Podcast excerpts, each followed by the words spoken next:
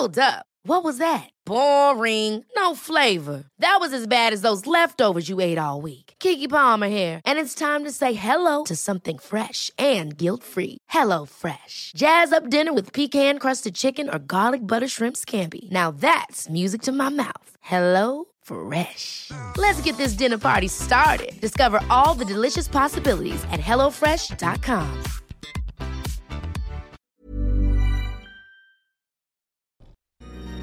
It was a night like any other night. Then something happened.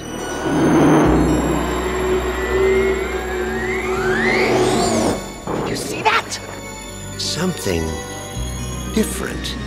It's no shooting star. Why here? Why now? Why clowns all over the universe? What are you gonna do? Knock my block off?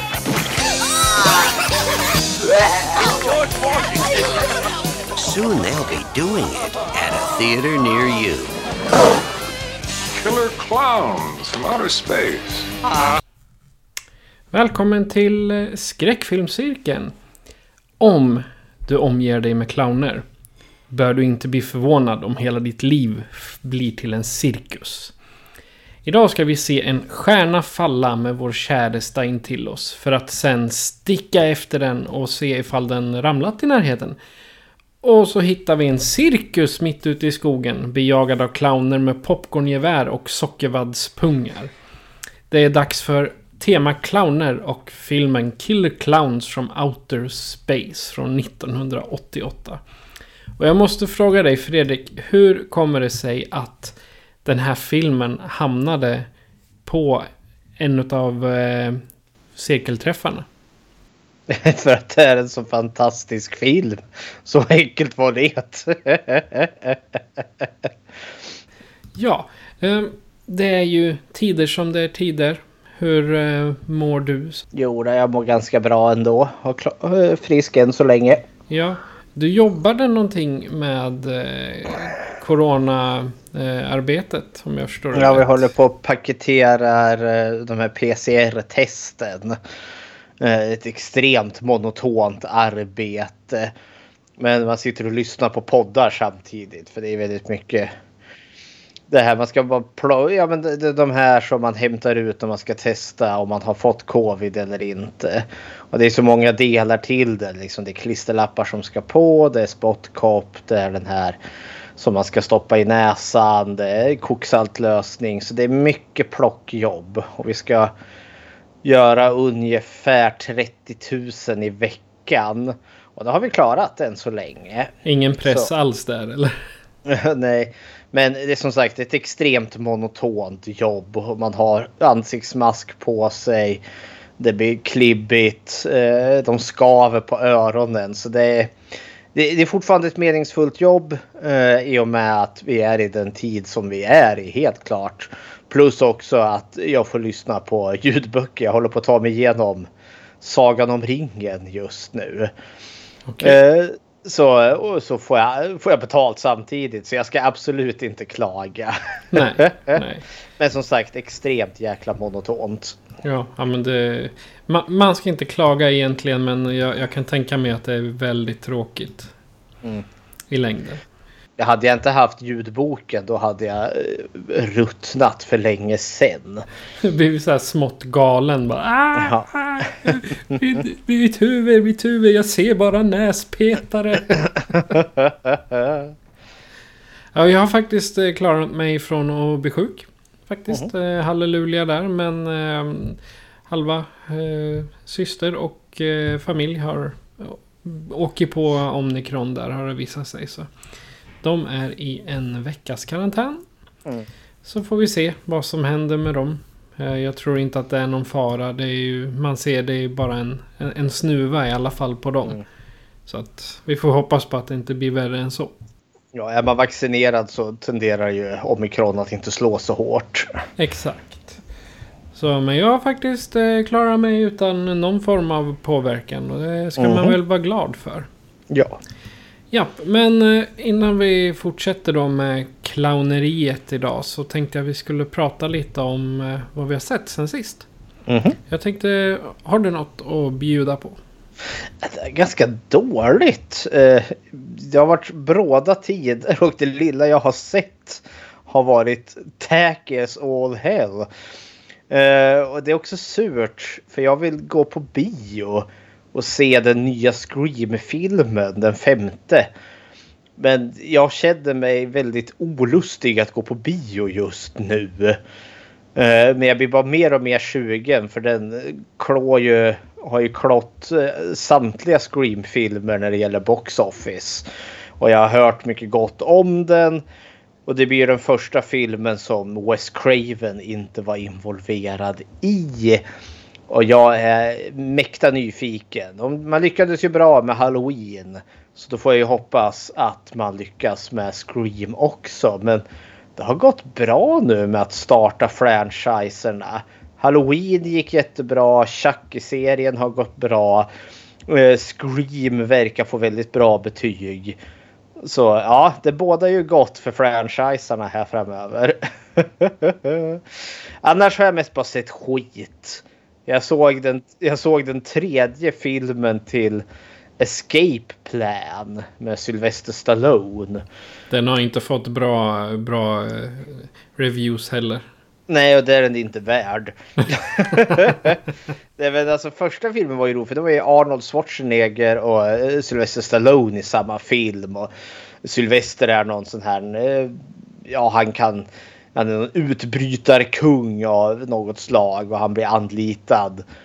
eh, För att se om han kan hitta några svagheter i en så ultra eh, säkert fängelse. Men det visar sig att det är någon fälla och han blir liksom permanent fånge i det. Och så får han eh, gänga upp med Arnold som är där. Och så slåss de mot det här korrupta eh, Eh, fängelsesystemet och det här science fiction eh, miljön de är i. Ja, men det, det var kul, det var dumt, det var liksom en seriös underhållning. Och så såg jag film nummer tre här då, Escape Plan. Eh, gjord på typ en bråkdel av budgeten första filmen hade. Eh, den, eh, om man liksom flyttar den här science fiction settingen till något liksom övergivet eh, eh, fängelse som fanns i något baltstatsland. För där lyckas de väl filma så vi liksom ser liksom samma vägg hela tiden. Plotten är att boven, eller sonen till boven i första filmen kommer tillbaka och ska utkräva hämnd. Kidnappar käresta där och Arnold kommer och så blir det lite så här, ja men Rambo-stil. Ja, avlivar dem en efter en tills att bara boven, sista boven är kvar och så avlivar han honom också. Det känns verkligen som att eh, ja, eh, finns inga skådespelarinsatser alls där. Som Sylvester Stallone cashade in en paycheck. Eh, och det var liksom så, så. Nej, varför det ens var det Escape Plan 3. De bröt sig in i ett fängelse. Men det var liksom. Den stora planen var att Sylvester Stallone hoppade ner i avloppet. Mhm. Och så tog han så kunde han ta sig upp i en lucka i fängelset där. Det var den fantastiska planen. Sen var det liksom bara eh, avliva bad guys på löpande band där. Hepp! Ja, ja. Eh, Jag har faktiskt inte tittat på något som är värt att nämna. Jag har tittat mycket på dokumentärer. Det har jag på, på SVT. Eh, Mycket om... eh, Av någon anledning så ramlar jag in på fascism. Och Oj. eh, särskilt den moderna fascismen. Och då handlar det om... Det var tre, tre eller fyra avsnitt. Och då, självklart då så riktar de in sig på USA. De börjar med Ku Klux Klan, den moderna. Sen var de på Proud Boys. Ehm, vad var det mer? Ja, det var två, två till varav allting slutar med att ja men det här är Trumps väljare. Typ, ja, så, ja, men, typ så slutade hela dokumentärserien bara. Det är ju Jaha. för, föga överraskande. Jo, men eh, det var, det var Utrikesbyrån som hade en analys Ja. efter det. Och de kom ju fram till att ja men vad tusan. Han vände sig medvetet mot de här eh, väljargrupperna för att de var så stora och så missnöjda. Och så, nu, det här handlar inte om politik utan det här handlar om vad, vad de sa i dokumentären. Mm. Han lyckades liksom få med dem och få fram att om jag hör er. Ni är jättemissnöjda, fine. Men det är jag med. Så vi kan väl vara missnöjda tillsammans. Ja, men vem är förvånad efter Charlottes will när han verkligen inte kunde fördöma nazister? Är det någon som överhuvudtaget ens förvånad att gubbfan gick och eh, flörtade eh, hejvilt med nazister och fascister? Nej, jag är inte dugg förvånad. Nej du, usch den orangea nazisten. Eh, Och ja, jag är jävligt glad att han har fått foten och jag hoppas det är ganska bråda dagar för honom. Ja. För det är ju, vad heter det, man utreder ju fanskapet och han har ju vad är det? Ja, det, han var ju tvungen att lämna över en massa dokument här nu. Ja. Och nu ska ju Dotra och ena sonen där eh, förhöras. Så ja, ja. det skulle vara nice där då om man får se gubbäcklet eh, skaka galler där. Ja. Men det här är ingen, eh, ingen politikpodd. Men eh, utöver den tråkiga verkligheten så har jag spelat zombieläge på Call of Duty Cold War. Och Outbreak-läget som finns där, det är min absoluta favorit. Det går att spela ändlöst. Och jag har som mest varit uppe på nivå 9 tillsammans med ett gäng riktiga hardcore-spelare. Det var svårt att hänga med dem, men jäkla vilket ös det är framåt nummer, ja, nivå 9 där. Då börjar det bli svårt.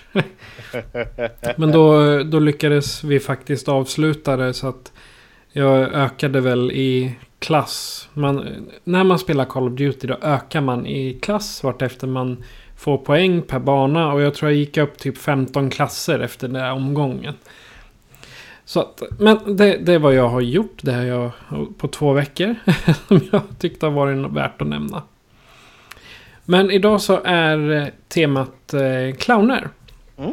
Och eh, Fredrik, jag kommer ihåg föreläsningen till viss del. Men jag gissar att du har en faktastund för oss.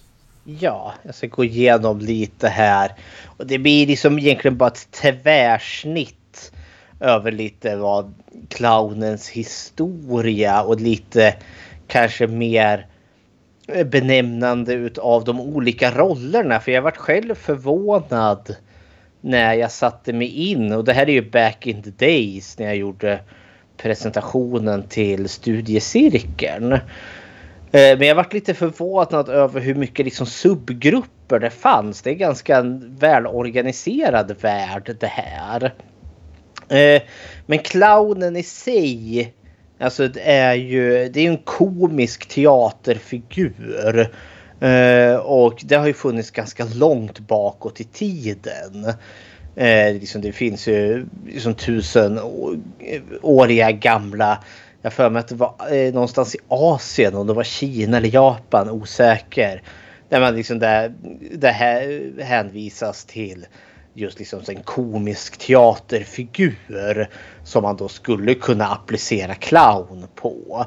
Men clownen som vi känner den idag eh, tänker jag fokusera lite mer ja, här och nu. Och det, det, clownen som vi känner den är ett mer grundad i ett europeiskt fenomen. Eh, Så det känns som att då ska vi gå dit istället. Men då tänker jag då ska jag gå igenom lite begrepp här. Eh, för jag, jag kan ju fråga dig först Patrik. När, när vi säger clown, vad tänker du då? Alltså jag är ju som, som vilken eh, människa som helst. Jag, jag tänker på cirkus. Mhm. Och första gången jag minns att jag såg clowner var på Cirkus Scott. Mm. Jag var faktiskt på den äkta Cirkus Scott. Och med, det var ju liksom top notch. Där pratar vi 1500 spänn per biljett. Oj. Så, så, så vi fick ju någon sån där special och sitta nästan framme vid manegen. Och jag kommer inte ihåg var vi fick de biljetterna ifrån. Men där, där jäklar, där var det clowner överallt. Och de var liksom en blandning utav Minions till allt som hände i själva manegen och själva underhållningen. Så att eh, ja, eh, det är min, min första, mitt första minne av eh, clowner. Det är eh, att se dem på cirkus. Ja, jag tror nog det är detsamma för mig. Eh, också sett clowner på cirkus som första minne av dem. Och jag kommer också ihåg att jag alltid hade sån spänd förväntan inför dem. För just att gå på lina och alla de där konsterna, hästshow och sådana saker. Det intresserade mig inte så vansinnigt mycket. Utan, men det, clownerna däremot. För de var roliga. Eh, och jag tänker så här i efterhand, många av de där cirkusarna de turnerar ju hela Europa så det är ju inte säkert liksom att de ens kan det svenska språket. Eh, men det slog ju mig att det gör ingenting för clownens liksom eh, skojeri är liksom ja, man behöver inte kunna språket. Eh, clownen kan kommunicera så jäkla mycket eh, ordlöst bara med sina gestikuleringar och sådana saker. Ja, men då går jag en liten resa här. Och som sagt, det här är inte heltäckande någonstans. Men det här tanken är att vi ska bara få en liten bild över clownen och kanske en liten bild över till det som blir filmclownen och kanske framför allt eh, den otäcka clownen. Men vi börjar eh, egentligen på medeltiden, ganska tidig medeltid, eller ja 1300-tal där. Och där har vi då det som skulle kallas för en gäster, en, en narr, en hovnarr. Eh, och eh, det var någonting som de flesta adelshus hade. Eh, och det var egentligen, alltså om jag beskriver en narr, eller som jag tyckte narrarna beskrevs, så påminner de mer om en gycklare än vad de gör vad vi skulle kalla för en cirkusclown. Eh, för det var mycket liksom att de hade akrobatiska konster, jonglera och sådana saker och mycket att de spelar musik. Och det är ju inte sällan liksom att de har liksom ett helt entourage liksom för att det är flera personer som gör saker. Man, man sjunger och man dansar och den klassiska bilden av en narr det är ju just den här att de har den här mössan med tre eh, ja, typ som böjda horn som sticker neråt med en bjällra längst ut. Och lite färgglada kläder och en hornböjd sko där. Eh, grejen var väl liksom att det här är liksom som en del av den underhållning adelsfamiljerna hade sinsemellan. Så det var liksom eh, ganska ärofullt att vara en narr ändå. I och med att adelsfamiljerna hade ju de här. Och det var ju som en del i maktspelet när familjerna träffades. Liksom att eh, har du en bra narr med bra underhållning, ja, då blir det bra stämning. Är det dåligt, ja då ser det dåligt ut för familjen och sådana saker. Men de kunde också ha en viss politisk betydelse. Exempelvis så var det inte ovanligt att hovnarren var den som fick komma som en budbärare med dåliga bud. Alltså eh, om det är krig och det går inte bra i kriget i slaget så var det inte ovanligt att narren levererade det dåliga budskapet till kungen. Alltså Eller jag, makt. jag, jag ser bara framför mig Magnus Bettner kommer fram och så bara Tjena kungen! Du, det, det är krig nere i Skåne. Det vet jag inte riktigt om det var så. Jag tror hon var lite på kungen i sig så att det inte lät halshugga narren där.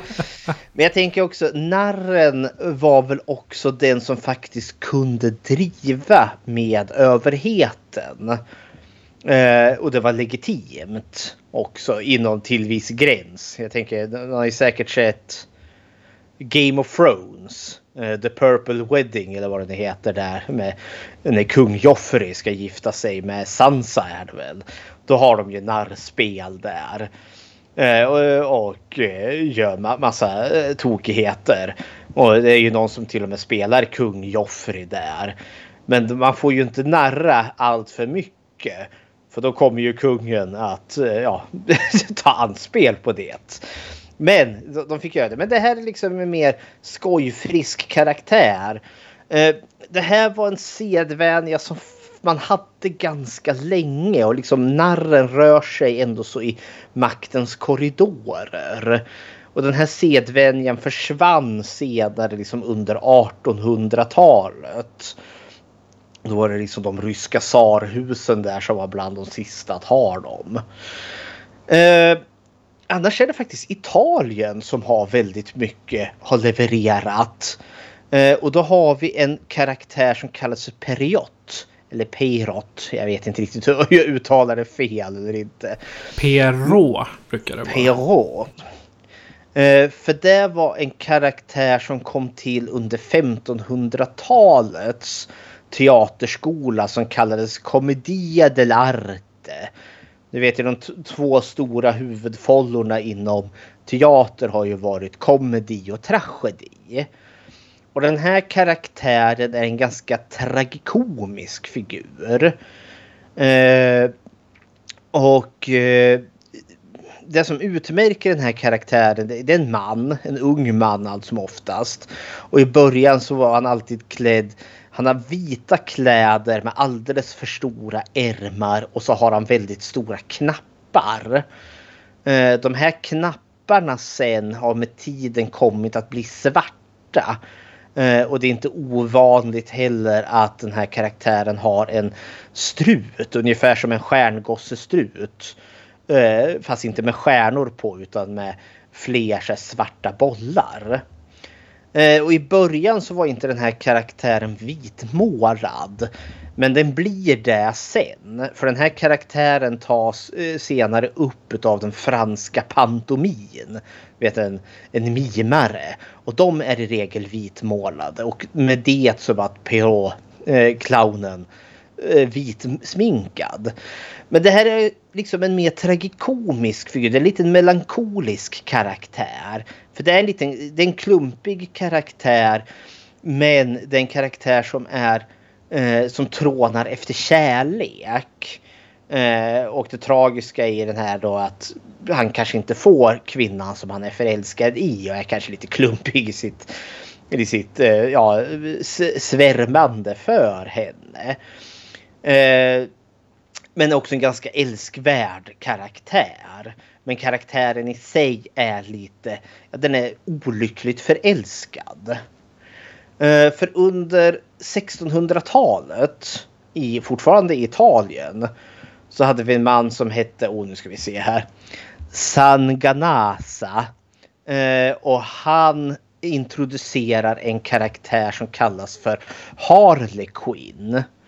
Eh, och det är ungefär som en, eh, en karaktär som gärna paras ihop med Pyro clownen. Eh, en Harley Quinn-karaktär.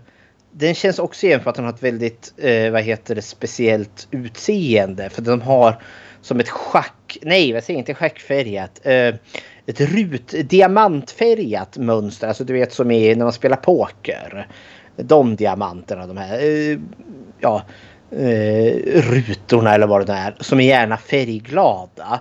Eh, och den har också i regel en mask som täcker liksom halva ansiktet, den övre halvan av ansiktet.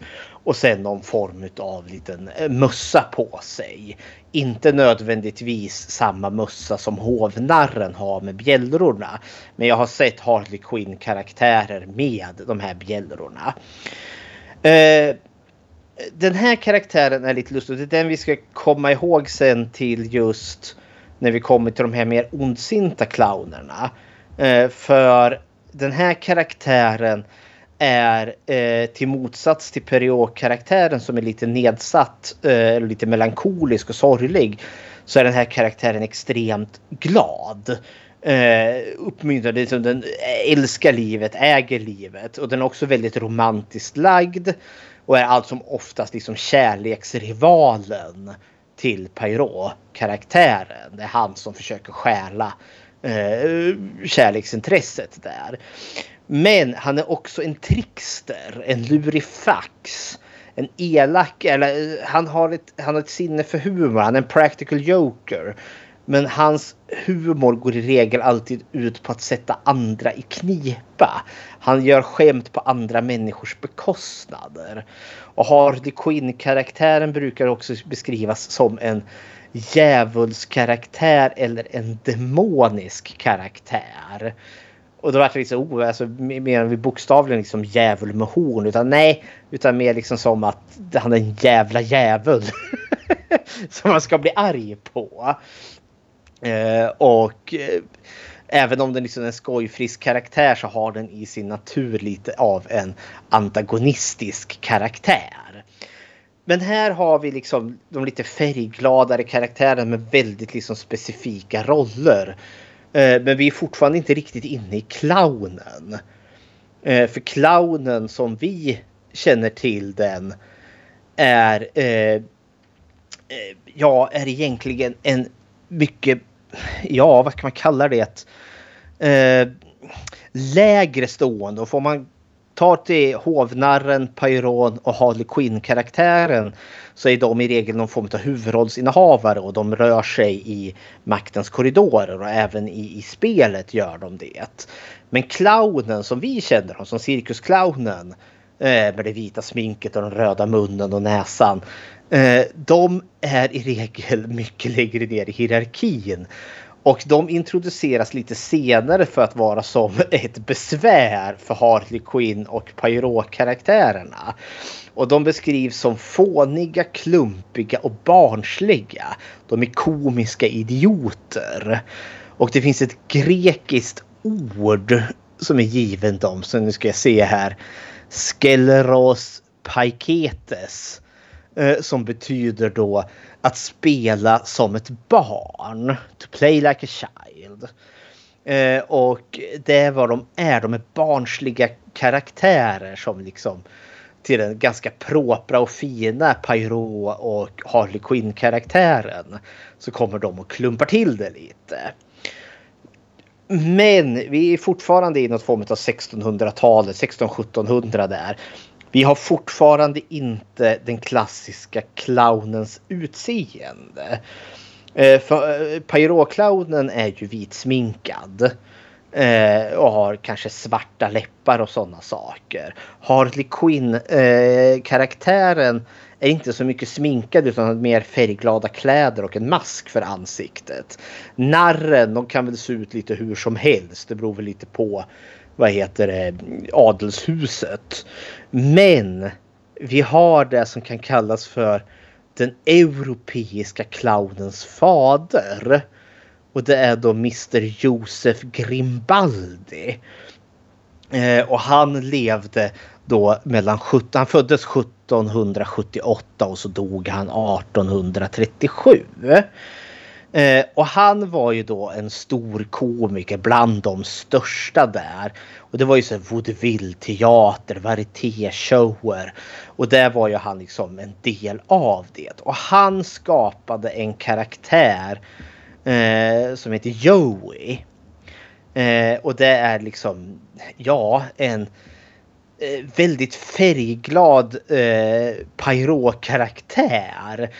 Men som har liksom det, som till utseende. för där har du det vita sminket. Precis som Pyro.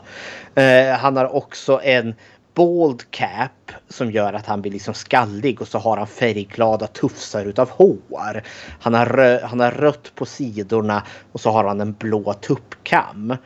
Eh, läpparna är sminkade rött.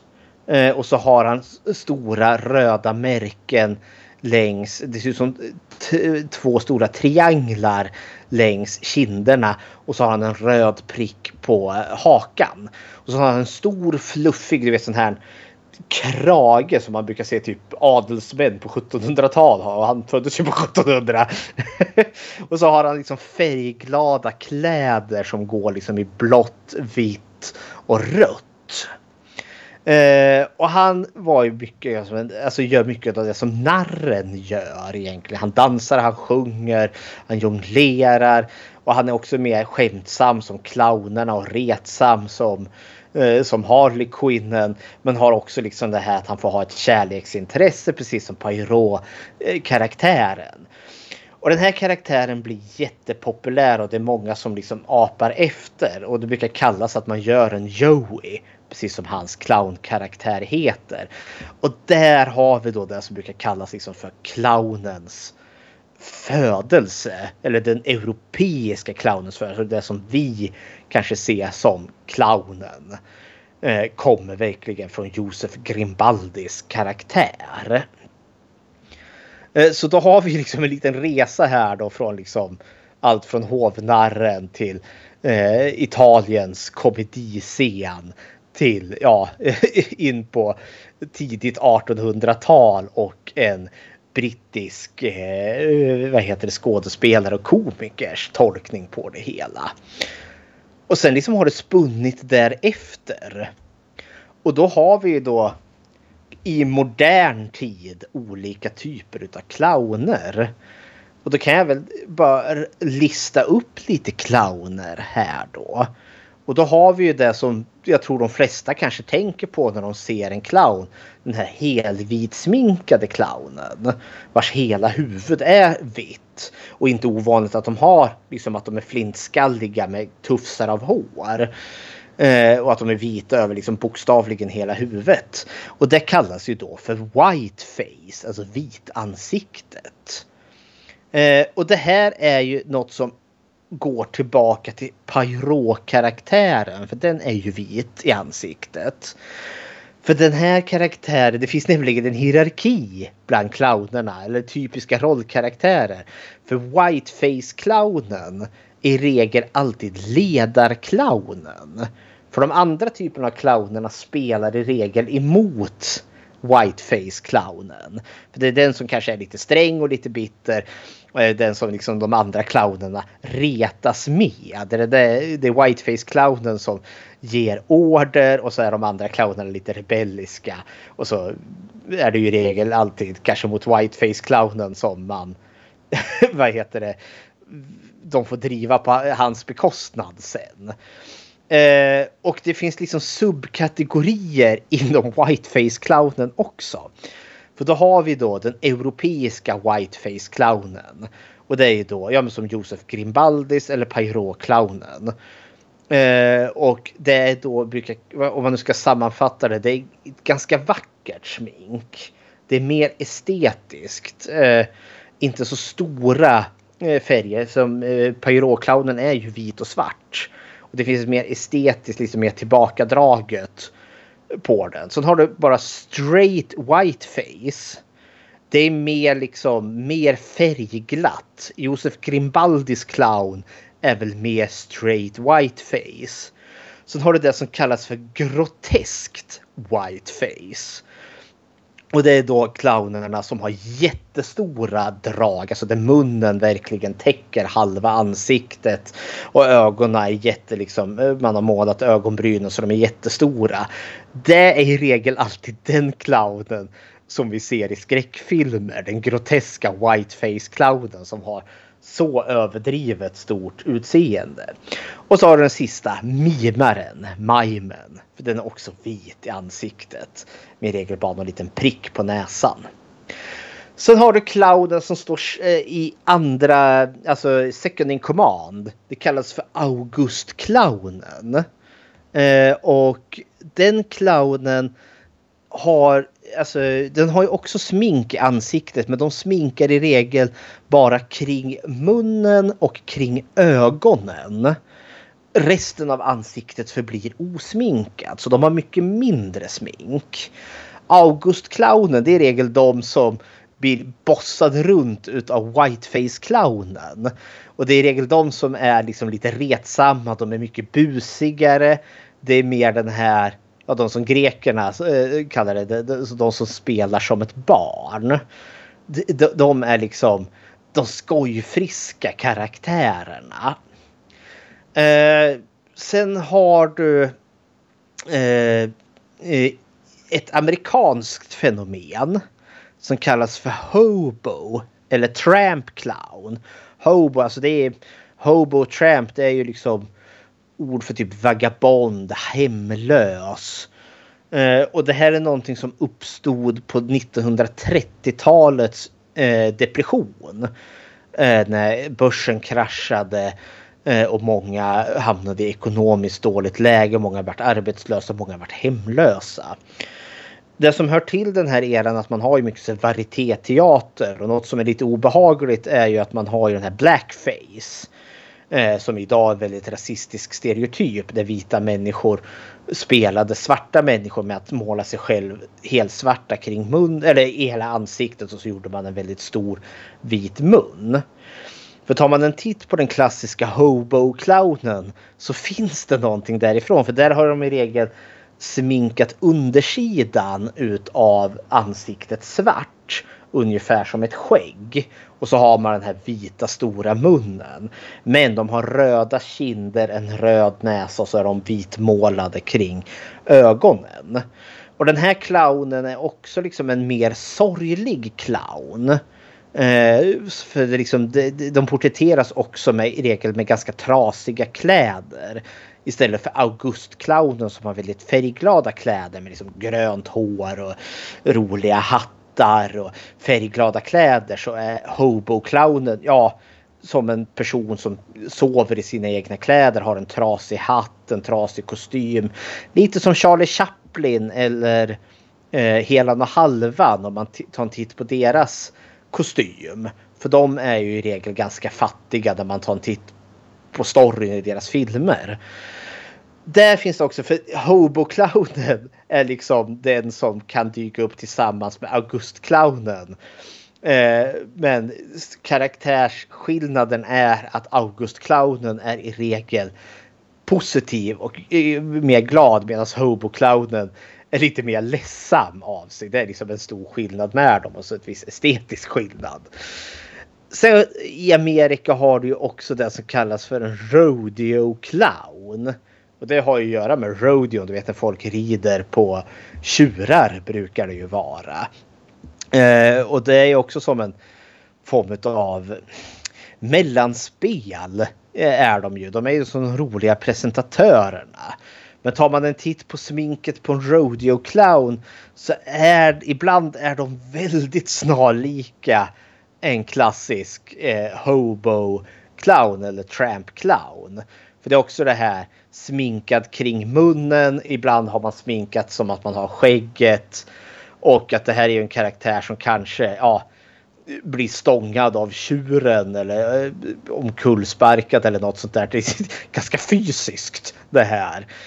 Så det återigen den här liksom mer ledsamma clownen kan passa där. Eh, och sen kanske in i modern tid.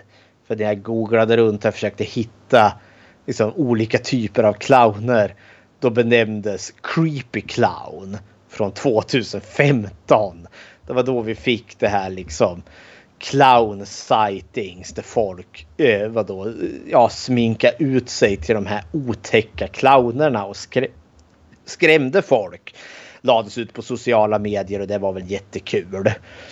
Eh, och där har du ju i regel liksom ja, dina klassiska whiteface clowner med den groteska whiteface fast med monsterattribut, tänder och klor och blod. Fast med Augustclownens färgglada eh, kläder. Och med det så har vi väl gjort en hel resa här. Eh, och jag tänker att ja, eh, vi har ju lite berömda clowner som finns ändå. Utöver, ja, och då tänker jag, jag kan ju fråga dig Patrik. Eh, kan du komma på någon berömd clown? Clownen Manne. Ja, Manne har vi. det, det, är allt jag, allt jag kan komma på. Och sen höll jag på att säga, jag höll, höll på att säga Pennywise. Men det är ju ingen clown. Det är ett monster utklätt ja. till clown. Jajamän. Och sen har du i, i och för sig eh, Ronald McDonald. Det är väl också ja. en ganska central figur ja. inom clownvärlden. Ja, men jag, tänker, jag, jag tänker samma sak. Manne är lätt att komma på. Ronald McDonald. Sen har du ju Krusty the Clown från Simpsons. och han är ju en form av parodi eh, på en amerikansk clown som heter Bozo the Clown. Eh, som var ett barnprogram som gick från 1959 till 74. Så för oss är det ju här i vår del av världen är han kanske inte så aktuell. Men Krusty the Clown är ju som en, är ju en parodi på honom. Som den här barnprogramsledaren. Bozo var väl kanske liksom mer, jag får väl hoppas en positiv karaktär medan Krusty the Clown är en cynisk affärsman. som råkar se ut som en clown där. Ja, grovt alkoholiserad i något avsnitt som jag har sett också kedjerökande med pacemaker. Det är, inte mycket, det är inte mycket som är rätt med han. Nej. Men då kan vi väl gå in då liksom just när clownen blir ond. Eh, rent populärkultursmässigt så är det lite slutet på 1800-talet. För vi har en... Eh, det finns en film som heter Paga, Pagaliki. Eh, eh från 1892 eller om det är en teaterpjäs. Det är säkert vara i början. Utav Ruggero Le, Lenon Calvallo. där vi har berättelsen där är just om Pyro-clownen och Harley Quinn berättelsen. Eh, där vi har den här olyckliga kärleken. Där, hur, eh, det karaktären Pyro-clownen försöker eh, ja, uppvakta kvinnan han älskar men hon går till den här andra karaktären. Och det slutar med att clownen, Pyro-clownen där, eller Pagal, Pagalaki, Pagal, ja, jag är värdelös på namn. Huvudkaraktären i sitt clownsmink knivmördar både kvinnan och mannen som hon älskar. Och det var liksom den stora finalen. Så där har du liksom en clown som mördar någon. Jag vet även att det finns en Mark Twain bok eh, där jag kommer inte ihåg vad den heter men skurkarna där något gäng eh, rånare maskerar sig vid ett tillfälle med att just eh, göra eh, sminka sig som clowner och så försöker de gömma sig i ett cirkussällskap. Och det är där det börjar lite den här kittlande tanken med liksom clownen när den är ond istället för den här komiska karaktären. Vet du, jag, jag fick faktiskt en, en liten kommentar eh, eftersom vi, vi sänder ju in den här inspelningen live. Mm -hmm. Jag fick en kommentar på John Wayne Gacy. Han var ju faktiskt den som spelade clown. Ja, vi kommer till honom. Men vi kan väl nämna. Han är ju en whiteface clown. Det är ju Pogo the clown. Okay. Eh, och han var ju, det är ju seriemördaren John Way. Och han, eller John Way Gacy. Eh, och han hade ju en, det var ju en un, sjukhusclown var ju han. Bland annat. Han gick ju och besökte där och sen hade han väl, han var väl också en par, eh, barn. Eh, alltså på, eh, vad heter det, barnkalas togs väl han in. Och det har ju varit så lite så slaskigt i efterhand om han har begått de här våldtäkterna och morden. Kanske iförd det här sminket som Pogo the Clown. Eh, och det är väl inte orimligt att han skulle göra det. Men där har du väl kanske den enda autentiska, alltså clownen som har begått mord. Sen vet jag ju, vi hade ju den här massskjutningen eh, till premiären av hette Dark Knight Rises. I, det var ju någonstans i Amerika där. Där var det ju någon man, han färgade håret orange var det väl. Och sen mejade han ner en hel eh, biosalong. För han sa ju att han var Jokern. Och det är ju en klassisk clownkaraktär. Men där tänker jag väl hävda att det var mest på psykisk ohälsa. Medan John Wayne Gacy var ju faktiskt en utbildad clown. och då tänker jag gå lite exempel på populärkultursclowner. Eh, och då har vi ju, vi, vi kör whiteface-clownen som är de vanligaste. Och då är det ju, ja, Jokern nämnde vi ju här. Batmans ärkefiende. Eh, där är ju vit i ansiktet för att han ramlar ner i ett syrabad. Men ändå. Eh, där är vi kanske den, ja, den mest använda whiteface-clownen. Eh, och han, där har du ju en klassisk, liksom, han är också i ledarposition, han är ju gangsterkung och allt det där. Eh, jag tänker på en karaktär som heter Kefka. Eh, från Final Fantasy 6. Huvudantagonisten där. Eh, en vit Whiteface Cloud med väldigt färgglada kläder. Eh, vi har Sweet Tooth från spelen eh, Twisted Metal. Eh, där får man egentligen inte se hans ansikte för han har ju en mask och så det där brinnande håret. Men masken är ju en så en klassisk grotesk whiteface clown. Eh, sen tänkte jag ta ett exempel på, för det, det är de här whiteface clownerna du hittar absolut mest av i film. Men så tänkte jag ta exempel på en August clown. Eh, och då, det enda exempel jag kan hitta det är då The Violator från Spån. Eh, det är serietidningen Spån som sen också vart en film 96, 97 där någonstans. Den var ganska bedrövlig. Men han som gjorde The Violator var, det var ju höjdpunkten i hela den filmen. Men där har du ju en clown. Han är liksom vit sminkad i mitten av ansiktet. Sen är resten av ansiktet hudfärgat eller huvudet hudfärgat. Eh, sen har det ja, när det kommer till Harley Quinn. Då har vi ju bokstavligen karaktären Harley Quinn eh, från Batman. Eh, och tar man, hon introduceras ju i den här tecknade serien Batman The Original Series. Och tar man en titt på hennes utstyrsel där så har ju hon de här diamantrutorna eh, som en klassisk Harley Quinn karaktär har. Hon har visserligen pop, eller tofsarna till bjällrorna som en, som en hovnarr brukar ha. Men hennes ur, eh, vad heter det, hennes uruppför, hennes urdesign är väldigt snarlikt eh, en Harley Quinn eh, karaktär. Sen har ju hon ändrat utseende ganska rejält om man nu tar en titt på Suicide Squad och liknande. Så mycket av just den här klassiska Harley Quinnen är väl inte riktigt kvar. Men hon är ju onekligen en trickster och liksom en lurifax som liksom gillas att jävlas med folk. Så den biten är ju väldigt Harley Quinn. Nu ska vi se.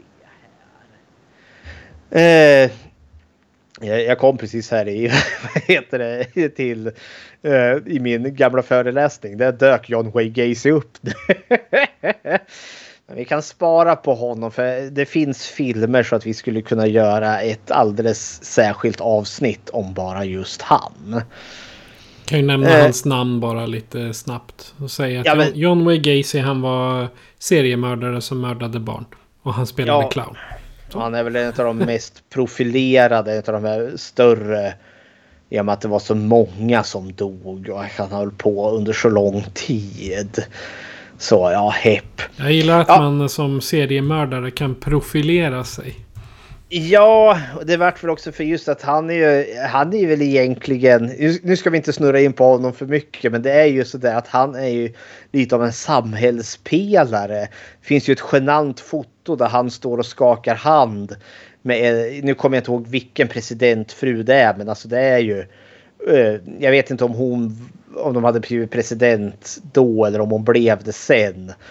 Eh, men det finns ju ett sånt foto där han står och skakar hand med presidentens fru. Och han rörde ju sig. Han, han var ju liksom omtyckt och alla och liksom uppskattad av samhället och liksom en maktspelare och så visar det sig att han är en hemsk eh, seriemördare. Liksom uppgjort för en film. Uh, och då tänker jag då kan jag väl gå igenom lite filmer här med clowner i. Värda att se. Uh, och då tänker jag säga en gammal film som ni får jaga efter. Den heter Han som får slagen från 1924. He who gets the slaps. Eller slapped.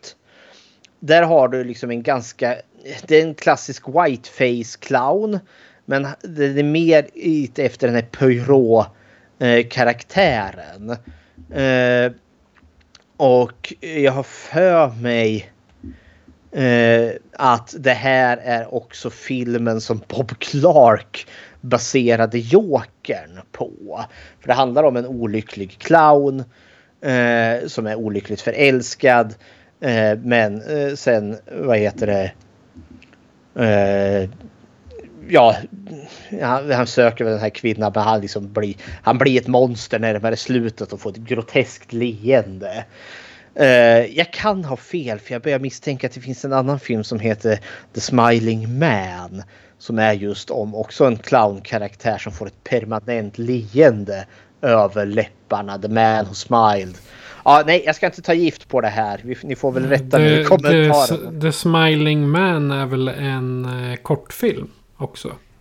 Jag har ingen aning om.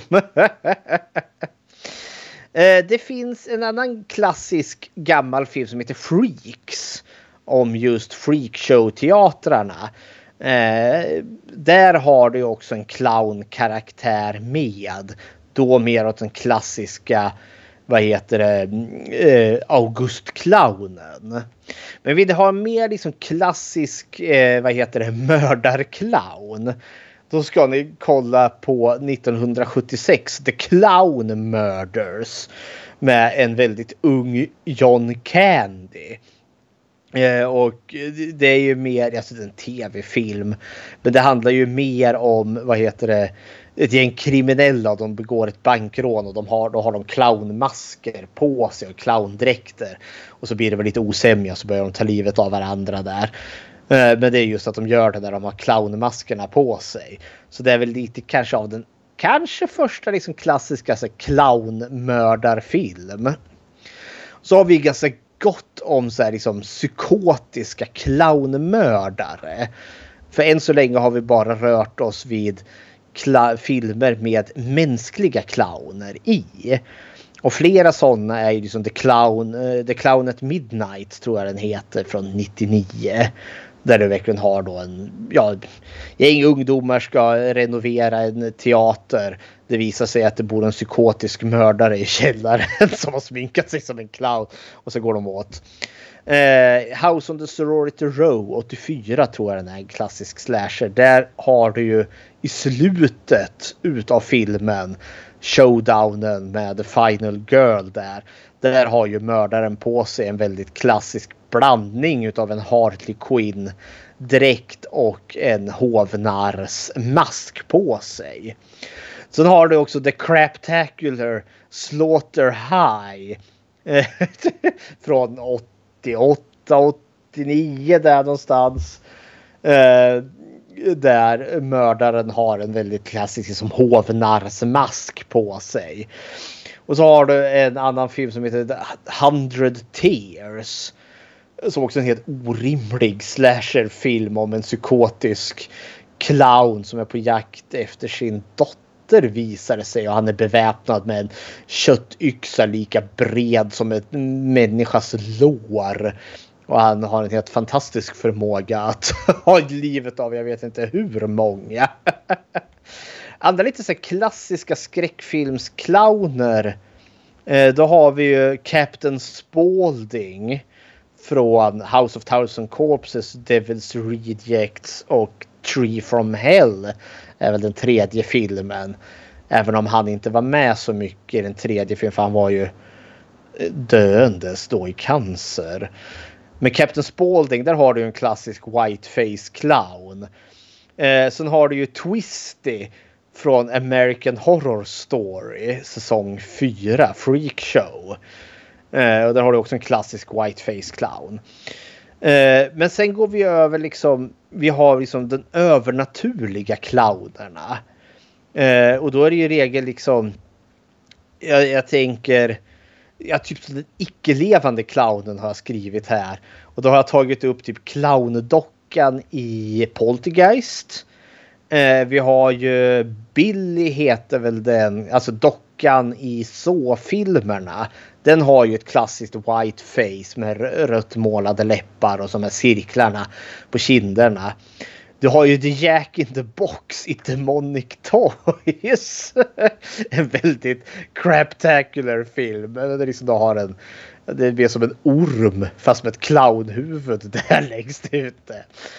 Men sen har du ju väldigt många övernaturliga clowner. Vi har en fantastisk skitserie som heter Killjoy. Där du har en, eh, vad heter det, clownkaraktär som dyker upp från ja, helvetet eller något sånt där och jagar folk. Du har ju remaken till The Carnival of Souls. Där huvudantagonisten är då sminkad som en clown. Men han är väl liksom som ett ont minne som kommer tillbaka. Han är väl typ som en ande. Eh, du har den fantastiska The Funny Man från 94. Där du har liksom som en demonisk hovnarr som tar livet av en brittisk familj. Du har en ganska nyligen en som heter Clown. Som eh, vad heter det, producerades av Eli Roth. Som handlar just om en, vad är det, en förbannelse som följer med en clowndräkt. Tar du på dig clowndräkten så blir du besatt av en demon. Eh, som har då attributet av en clown. Och du blir inte av med förbannelsen förrän clownen har ätit, jag tror det är sju barn eller något sånt där. och sen då självklart den stora klassikern Pennywise. Eh, och det är väl kanske han som är den mest berömda. Först spelad av Tim Curry 1990. Och sen eh, i nyinspelningen 2017 där och sen var det väl Chapter 2 2019 var det ju Bill Skarsgård som spelade eh, eh, Pennywise. Men sen har vi ju en till clownjäkel. Eh, och det är ju eh, Art the Clown från eh, The Terrifier. Terrifier kanske den bara heter. Från 2016. Som var en sån helt supergrotesk våldsfest. Och där har du ju som en variant utav pyro-clownen. För han är ju vit och svartfärgad. Men eh, också en sån över, för han är något demoniskt väsen av något slag. För han dör ju inte hur man nu än gör. Eh, och han har väl gått och blivit nästa eh, stora clownmonster. För jag tror inte att vi kommer få någon liksom större clown elände efter, efter Pennywise. Annars har vi liksom en uppsjö, alltså billigt skräp producerat med liksom bara slänger in ett, ett clownsmink eller clownmonster, clownmask. Eh, jag för mig att det har gjorts en, du vet, eh, du vet eh, Sharknado. Jag för mig att det finns en clownado också där det liksom ett gäng demoniska clowner far omkring i en tornado och äter upp folk. Det, må, det måste jag go googla på. Clownado. Jag tror den heter något sånt. Clowna Clownado. Ja, Ja, och det, det, fin liksom, det finns faktiskt. Från Ja. 2019. och det är bara skräp. Nej men det, det är väl liksom slutet på min lilla faktastunder och lite tips på diverse olika clownfilmer. Men eh, jag tycker, om jag får säga det personligen, så tycker jag kanske skräckfilmsclownen funkar bäst när den är övernaturlig. För mördaren med clownmasken, det funkar inte riktigt för mig. Sen ska vi väl nämna här också, för just kring här med ja, Creepy Clownen 2015 där. Eh, inte allt för långt därefter 2017 kom ju nyinspelningen av It med Bill Skarsgård som eh, vad heter det, Pennywise. Och det fick ju faktiskt effekter. För det finns ju faktiskt folk som arbetar som clowner. Sjukhusclowner exempelvis. Eh, eller det finns ju också, du, du känner till Läkare utan gränser. Det finns clowner utan gränser. Och de kände faktiskt av effekterna. För det här är ju clowner som arbetar med barn. Och då vart just det här kille clown. Så då var kanske inte eh, Pennywise kanske den största boven. Utan det var väl mer de här creepy clowns som fanns på sociala medier som kanske var mest eh, påtagliga. Men här har ju vi faktiskt varit i kontakt med en riktig sjukhusclown. En bekant till mig. Vi har arbetat tillsammans. Och vi tyckte det skulle vara spännande att eh, prata lite om hur det är att faktiskt vara clown med en riktig clown. Så jag tänker att vi kanske ska avsluta den här faktastunden och så går vi in i vår intervju. I'm Sandra, and I'm just the professional your small business was looking for. But you didn't hire me because you didn't use LinkedIn jobs. LinkedIn has professionals you can't find anywhere else, including those who aren't actively looking for a new job but might be open to the perfect role, like me. In a given month, over 70% of LinkedIn users don't visit other leading job sites. So if you're not looking on LinkedIn, you'll miss out on great candidates like Sandra. Start hiring professionals like a professional. Post your free job on linkedin.com/achieve slash achieve today. Hold up. What was that? Boring. No flavor. That was as bad as those leftovers you ate all week. Kiki Palmer here, and it's time to say hello to something fresh and guilt-free. Hello Fresh. Jazz up dinner with pecan-crusted chicken or garlic butter shrimp scampi. Now that's music to my mouth. Hello Fresh. Let's get this dinner party started. Discover all the delicious possibilities at hellofresh.com. Så varmt välkommen Rebecka eh, som är här i form av en riktig clown. Jajamän! Tusen tack för att du ville ställa upp. Ja, vi arbetar, eller vi arbetar, vi håller ju på att spela in ett avsnitt Patrik och jag. eh, När vi håller på och pratar om clowner och just skräckfilmer. Och det, Ja. det, det finns ju ganska mycket utav den varan. Men det brukar vara liksom så man, man sitter alltid utifrån och tittar in. Eh, och eh, då är det alltid kul att faktiskt, i och med att vi har ju arbetat lite ihop, och jag vet ju att du har ju faktiskt arbetat som clown. Kul att liksom få höra eh, ja, den riktiga sidan. Och då tänker jag ställa lite frågor här till dig om du vill berätta. Liksom, men hur blev du clown? ja, men jag har alltid eh, gillat teater Ehm, komik och kom i kontakt ganska tidigt eh, med clowner via cirkusformen som var ganska vanlig att, att det var vanligt att besöka cirkusar på, ehm, på 80-talet så, eller 70-80-talet. Och eh, då såg jag ju de här clownerna ganska tidigt och tyckte att de var roliga. Ehm, de konkurrerar lite med hästarna vet jag men jag tyckte ändå att det var kul och så började jag ägna mig åt humor och eh, gjorde en egen clownfigur ganska tidigt och den clownfiguren eh, utvecklade sig sen och är den clownfigur som jag har idag. Ja, det är ju lite spännande för, för jag har ju förstått det här med, med clownut, eh, alltså när man har sin clown det är verkligen som en persona som man har och man arbetar ganska mycket med den ändå. Precis, min clown ligger ju som för många bottnar ganska mycket i, i mig själv.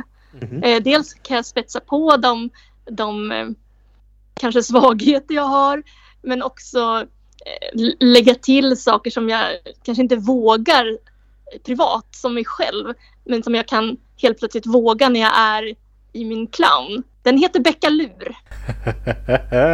Alltså Beckalur är ganska, ganska lat och det kommer väl från mig själv. Så ganska lat men, även, men ändå liksom väldigt nyfiken. Och eh, Beckalur kanske vågar testa mer saker än vad jag gör. Till exempel skulle jag ju aldrig privat gå ut och ställa mig i vägen och stoppa en bil. Men så fort jag har ett mingeluppdrag nära en gata så gör jag det. Och det är inget konstigt. Så, så, så det är ganska fantastiskt att kunna lägga, eller, kunna göra det som karaktär. Helt plötsligt får jag leva ut saker som jag kanske bara tvångs, har som tvångstankar privat. Men liksom, för det är lite spännande för liksom när du är Rebecka eh, då skulle det som sagt, du skulle inte stoppa vägen men eh, vad heter han, Becka, eller hon, Beckalur Beckalur. Skulle göra det. Men är det också det att clownen får göra det. Och, om, om, om, jag, om, om Rebecka står och stoppar en bil då tutar man ju och blir arg. Men när Rebecka Lur som kommer det, då är det personen i bilen kommer lite av sig också kanske, eller? Absolut. Personen i bilen kan ju bli arg men, men det klarar Becka Lur. att man brukar säga det att clownen är alltid väldigt sårbar så, ja absolut. Men eh, det kan också rinna av en ganska snabbt. Om Becka Lur får skäll så, ja ja, ja okej. Okay. Det är ny dag imorgon! Så, liksom. Och då fick vi höra lite Becka Lurs röst där då förstår jag. Ja, precis. Då tänker jag här, alltså om vi återvänder lite till utbildning, alltså hur utbildar man sig till clown? Är det en utbildning ens en gång? Nej, i Sverige har vi ingen ren clownutbildning så. Däremot så eh, går det ju att gå en hel massa kurser. Eh, och jag har gått väldigt många olika kurser för olika tekniker eller olika lärare i Sverige. Och eh, jag har även utbildat mig en sväng i Barcelona mm. i just sjukhusclowneri. För jag ja. jobbar ju både som sjukhusclown och som, som vanlig, vanlig dödlig clown. Men... Underhållningsclown eller vad kan man kalla det? Ja, precis. Um, så det finns olika vägar att gå. En del har, gått cirkusskola. Jag har också gått cirkusskola för länge sedan. Mm. Men en del kanske går längre sånt och då har de längre clownblock som det heter. Eller på Teaterhögskolan när man också har längre clownblock. Och, och vad menas det när man säger clownblock? Nej, då, då, då menar jag att uh, i, i längre kurser eller längre program, teaterprogram till exempel, så kan det finnas en längre kurs som kanske är clown. Mm. Och ett, du sa innan där, om jag får, som jag varit nyfiken på, så att det finns olika inriktningar när det ja. gäller att vara clown. Och då tänker jag, vad finns det för olika? Alltså det finns ju, det finns ju sjukhusclowneri då. Mm. Och det finns också eh, teaterclown, den gamla komedien Lart-clownen. Och så finns det ju cirkusclown. Mm. Som, och det, det, är ju, det är, de skiljer sig ju lite åt så. Men däremot så, jag, jag brukar blanda mina grejer lite grann. Eh, men vissa saker funkar ju inte kanske att göra på sjukhus. Mm. Jag kan inte göra ett eh, trapetsnummer som clown som kanske någon kan göra på cirkus eller så. Utan, och jag, det, det, är en helt annan, på sjukhuset till exempel så som har vi, är det inte våran arena på samma sätt. Nej. Utan det är ju barnen som, som ligger där av en anledning. Och de är inte där för att bli underhållna i första hand. Utan de, de är där för att få vård. Och vi är då ett komplement till vården. För att det ska, de ska kunna liksom tänka på någonting annat för en stund. Och då, då mm, har ju de, håller ju de mer i taktpinnen så att säga. Mm. Jag går inte in och gör värsta stora showen. Utan vi går ofta in och och tar in vad, vad behövs just i det här rummet. Vad, vad får vi för signaler? Vad, och barnen får styra lite mer vad vi, vad vi pratar om. Eller vad vi gör. Vi går aldrig in och säger oj du har brutit tanden ser jag. Ska vi ta reda på det så, så får de komma med det själva. Titta vad jag har gjort. Och då mm. kan vi gå in i den, den eh, eh det, liksom, det snacket i sådana fall det känns lite eh, som att man måste ha eh, som sjukhusclown väldigt liksom fingertoppskänsla och eh, vara väldigt beredd på att improvisera känner jag. Ja absolut, det handlar om hela tiden fingertoppskänsla och lyhördhet. Det är liksom det allra viktigaste som sjukhusclown. Ja, och jag kan tänka mig att det känns både som, för det är så behjärtansvärt att vara, alltså sjukhusclown enligt mitt tycke. Eh, men hur är det då att möta för vissa? Jag kan ju tänka mig att, ja men som ett barn med ett bruten arm, det förstår man ju att där kommer det, armen kommer läkas men mm. vissa barn har ju betydligt allvarligare sjukdomar än så. Eh, hur möter man upp liksom det allvar som kan finnas där när man är clownen? Ja, alltså det är som du säger, det kan vara så olika. Vi besöker ju barnen på rummen. Då kan mm. vi komma från ett rum med ett stukat finger och i nästa rum så ligger en, ett barn som inte kommer klara sig. Mm. Så, så, det är klart att det, det är jättejobbigt. Samtidigt ska vi ju göra vårt professionella jobb. Ja. Ehm, Men det är tunga, alltså det kan vara jättetunga dagar. Samtidigt kan de vara väldigt lustfyllda. För vi kan ju komma in i ett rum där ett väldigt sjukt barn befinner sig. Men ändå komma ut därifrån och känna att wow, vad, vad, vad roligt vi hade tillsammans. Mm. Så, men vi har, ja, det, det är svårt. Det kan vara riktigt jobbigt ibland. Jag kan tänka mig det. Får clowner gråta då, tänker jag? Ja, De får det. det är så här, du frågade förut skillnaden mellan olika eh, typer av clowner och så. Eh, På, på till exempel cir- cirkus så blir ofta clownernas känslor förstorade. Det står liksom, då gör man ofta det, det större. På sjukhus gör vi kanske inte det, utan där men, alltså, det är helt okej att, att ta in känslor tillsammans med, med barnen. Det, det, jag brukar säga det, även clownen är mänsklig. Ja. Jag, om jag tolkar det rätt, liksom cirkusclownen är per automatik eh, mycket större i sina eh, Ja, i sitt skådespel plus också kanske mer fysisk i sin akrobatiska form. Medan sjukhusclownen är av nödvändighet lite mer laid back och eh, instämmande med sin publik så att säga. Ja, jag skulle nog säga så. Ja, fantastiskt. Ja. Då undrar jag, eh, clowner och smink. Eh, alltså clownerna har ju alltid ett specifikt utseende. Och jag tänker att eh, Beckalur har väl också ett sådant. Hur, hur ser Beckalurs smink ut? Ja, det där är en intressant fråga. Eh, för att eh, Beckalur har ju, i och med att Beckalur både är sjukhusclown eller, och så och eh, befinner sig på andra arenor ibland så, så ser också sminket lite annorlunda ut. Även om det är, går i samma, det följer väl samma linje hela tiden. Bara det att det kan vara mer eller mindre. När Beckalur började på sjukhus så var det en målad näsa till exempel. Eh, N- nu är, är näsan en, en clownnäsa i läder.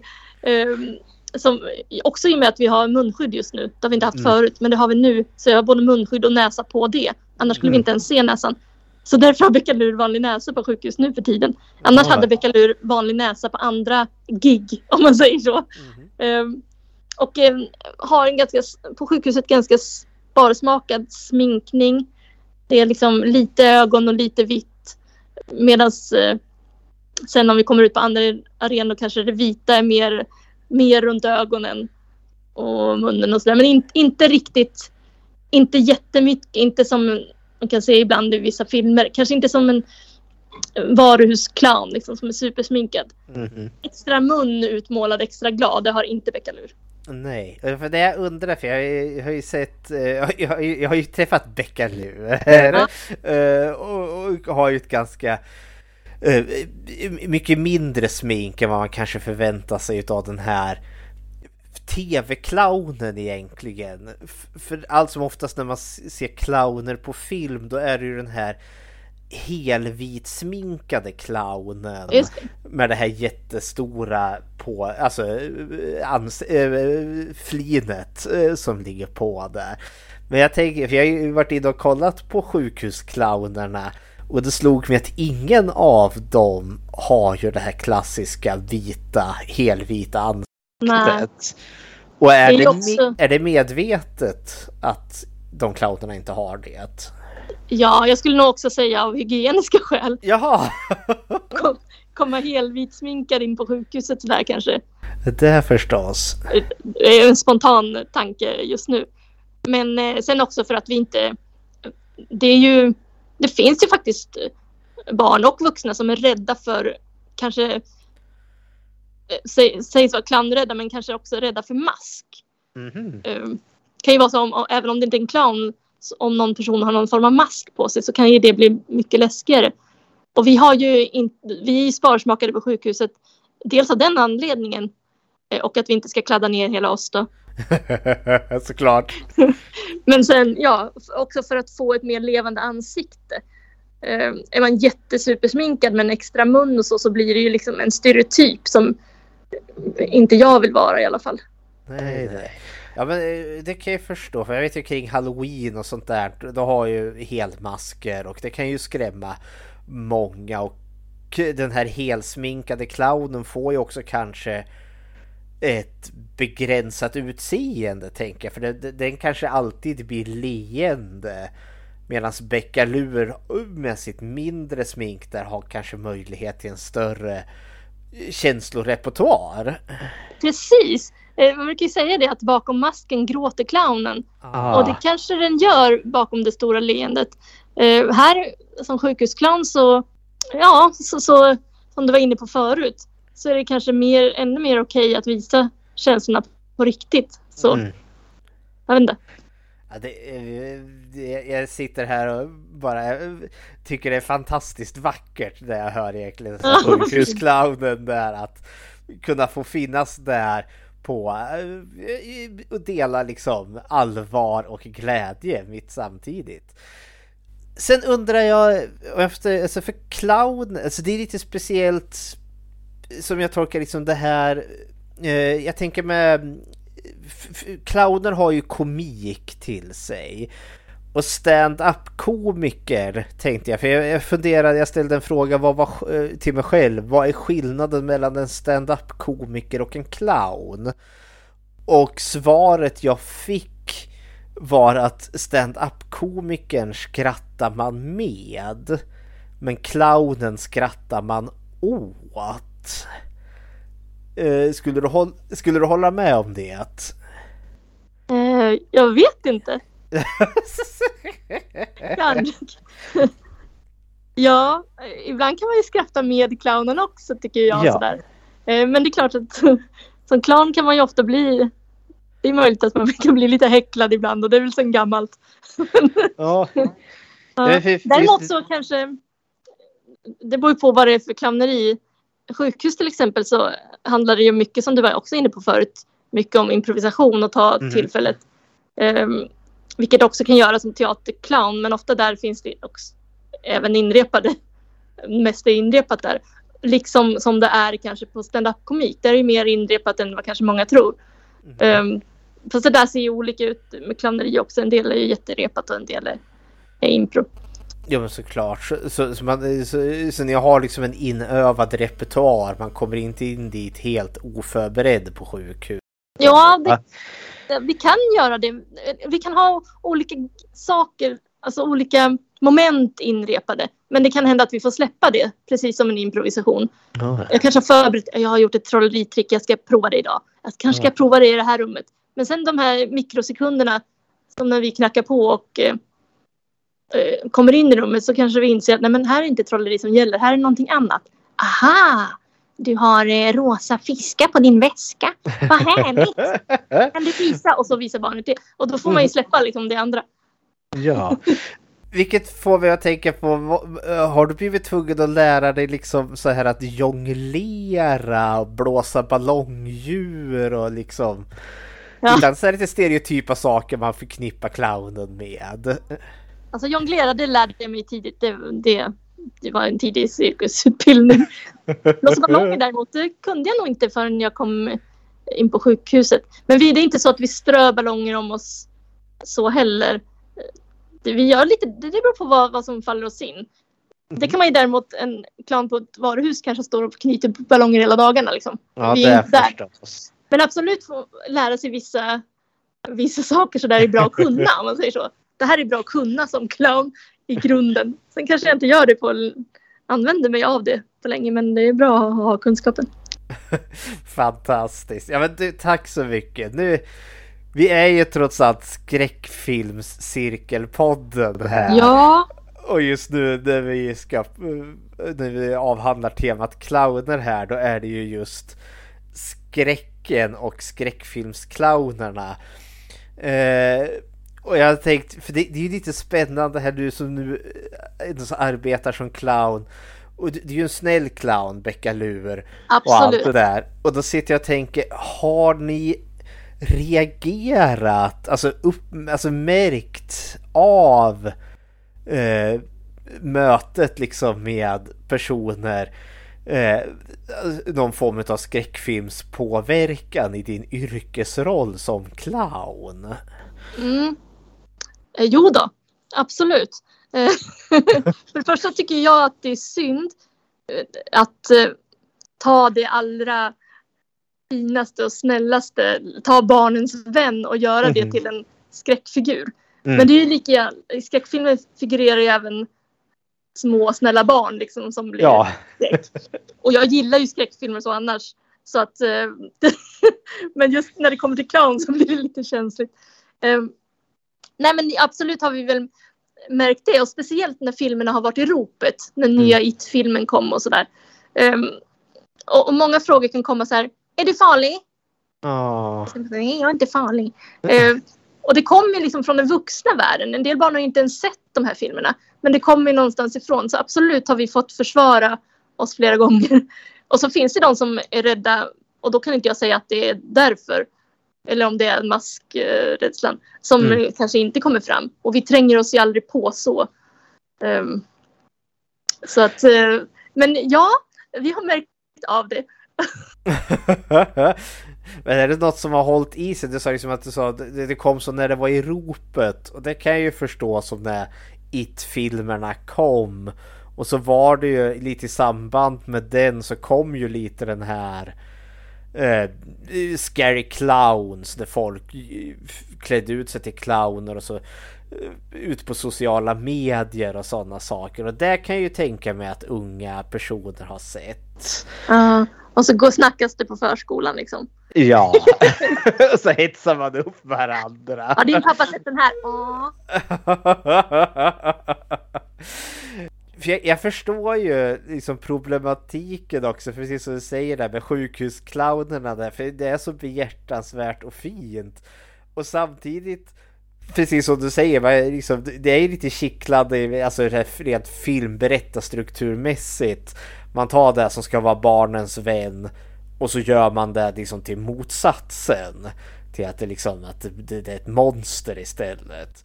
Men det är ju likadant som med alla dessa skräckfilmer om läskiga barn som du nämner. Ja, barn är söta och snälla så nej, så gör vi dem till monster istället.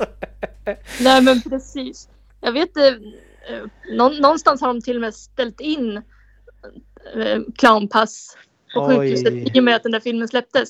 Och då, då Ja. påverkar det ganska mycket eh, yrkeslivet så för Ja, de professionella clownerna. Men eh, jag tror att det har lagt sig lite just nu.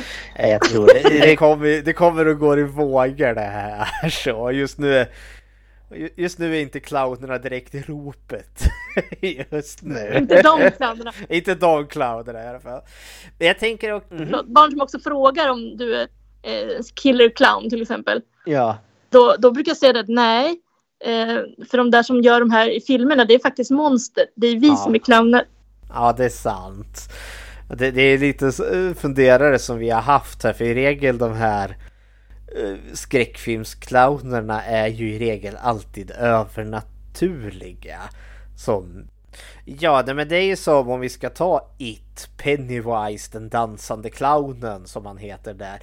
Han är ju inte en clown, han är något formskiftande monster som använder clownen för att komma barnen nära. Eh, så i grund och botten är ju han något form av fullständigt formlöst.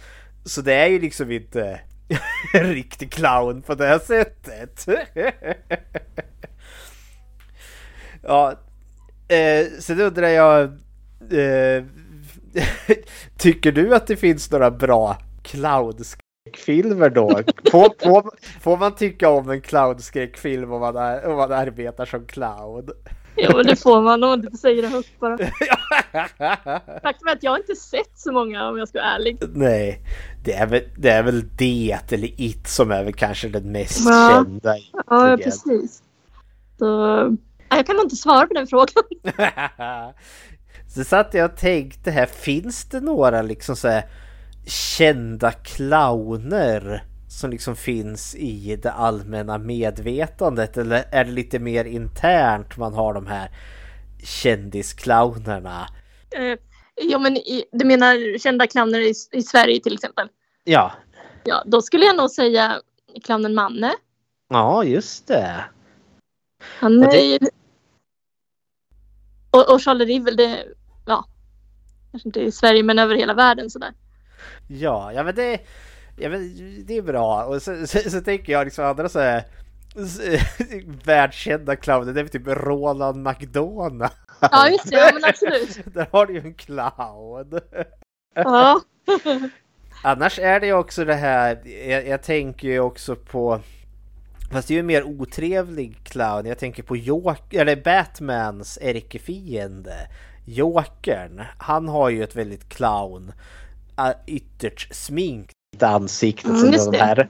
Och så tror jag, för, för där har du ju också den här egentligen förvrängningen utav clownen.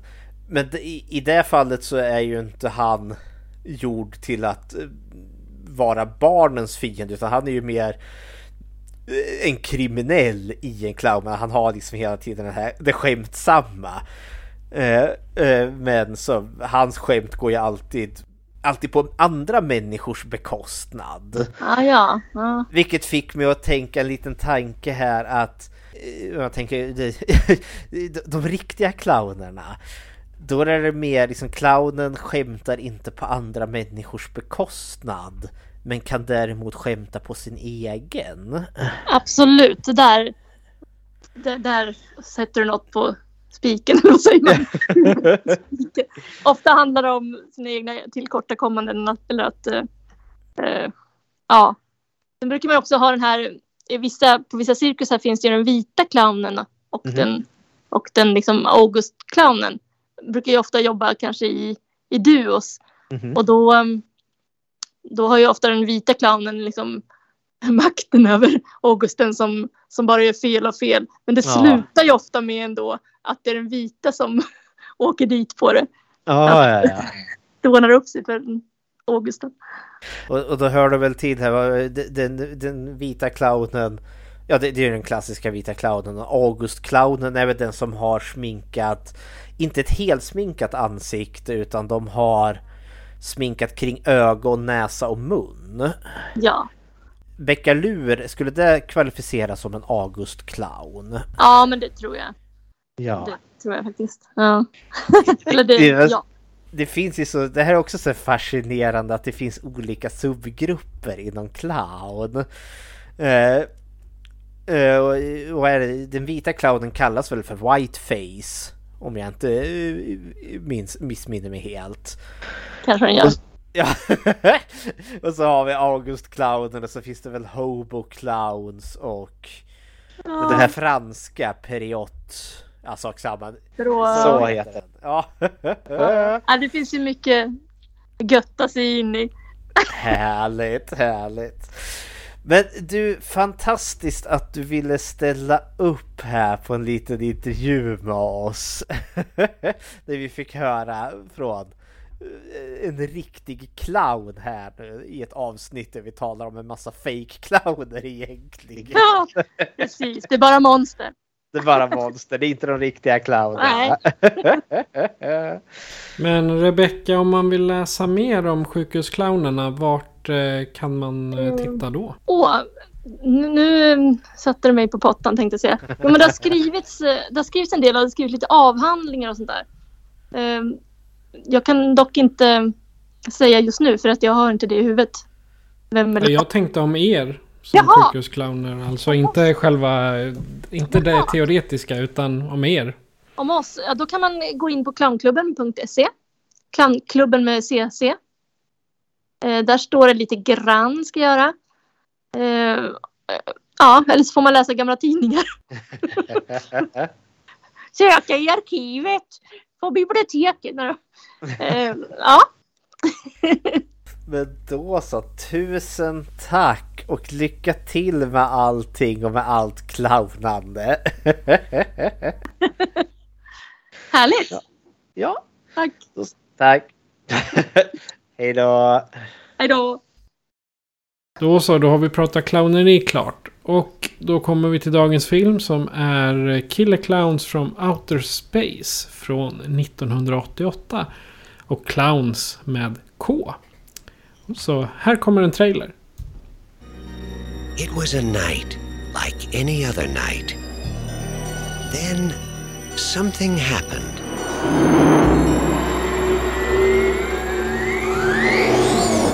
You see that?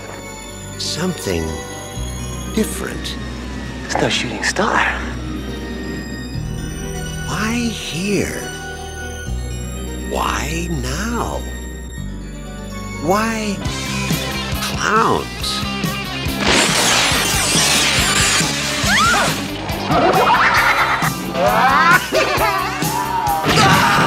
They've been knocking them dead all over the universe. What are you gonna do? Knock my block off? Soon they'll be doing it at a theater near you. Killer clowns from outer space.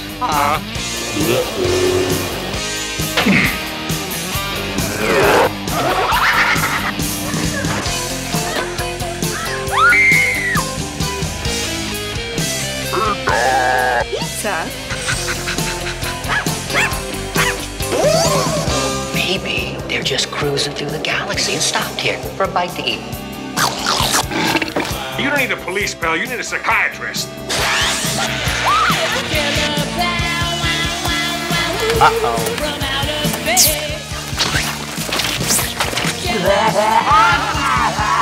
They want to play games? They're messing with the wrong guy. What are you in for? Killer clowns from outer space. It's crazy. I en liten stad i Kalifornien landar en kväll något som liknar en meteorit. Men det är ett cirkustält som visar sig vara en utomjordisk farkost. Fast de grimaserande clownerna är inte ute för att roa invånarna på jorden. Utan för att döda dem. Med vapen som popcorn, jordnötter och sockervadd. En parodi på 1950-talets skräckfilmer med ytterligare ett snäpp galenskap. Så det är trailern och plotten till eh, Killer Clowns from Outer Space. Det vill säga Killer Clowns med K båda. Eh, har du några initiala tankar på de här Fredrik? ja, det här är en av mina inkörsportar. Alltså jag såg den här filmen kanske första gången när jag var 14 år där någonstans. Eh, bandad på en VHS-kassett från något, ja, TV1000 eller vad det gick. Och eh, jag, jag var fullständigt blown away utav eh, Alltså det är ju så underhållande, det är så roligt eh, och den här lyckas träffa allt rätt enligt mig. För ibland visst, man kan ju återvända till en film som man såg när man var ung som tyckte att den här var fantastisk och så återvänder man till det som vuxen och bara åh nej, nej, nej, nej, nej, nej. Men den här har aldrig varit utan det här har bara varit genuin underhållning eh, från varje gång. Och visst, man kanske har ett alltså, nostalgiskt romantiskt skimmer till den här. Men jag tycker inte det. För jag tycker även om jag försöker granska den här filmen någorlunda kritiskt så tycker jag liksom från genuint att det är bra underhållning. Det här är liksom genuin skräckkomedi som både hyllar och paroderar, precis som du nämnde där i inledningen, att 50-talets monsterfilmer. För liksom det, och filmen är också genomtänkt och smart. Den planterar saker som senare kommer i användning. Alltså det märks att det här inte är något havsverk. Utan det är liksom en genuint planerad film.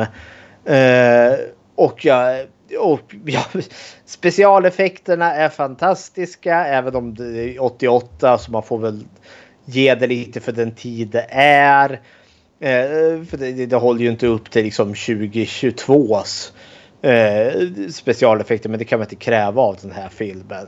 Musiken är kick-ass! Eh, filmen bara rasar på i ett fantastiskt tempo. Det är inte en död jävla stund i den här filmen. Oh, det är mina initiala tankar. Fredrik är helt eh, till sig här. Jajamän. Ja. Eh, jag var liksom beredd att kasta bort den här filmen från mitt minne när jag såg omslaget. För jag tänkte det här är någon riktig jäkla The 13th Friday eh, knock-off CÖ-film. Men nu, det här är många år sedan nu. Det var säkert på 90-talet någon gång när jag började kolla på skräck.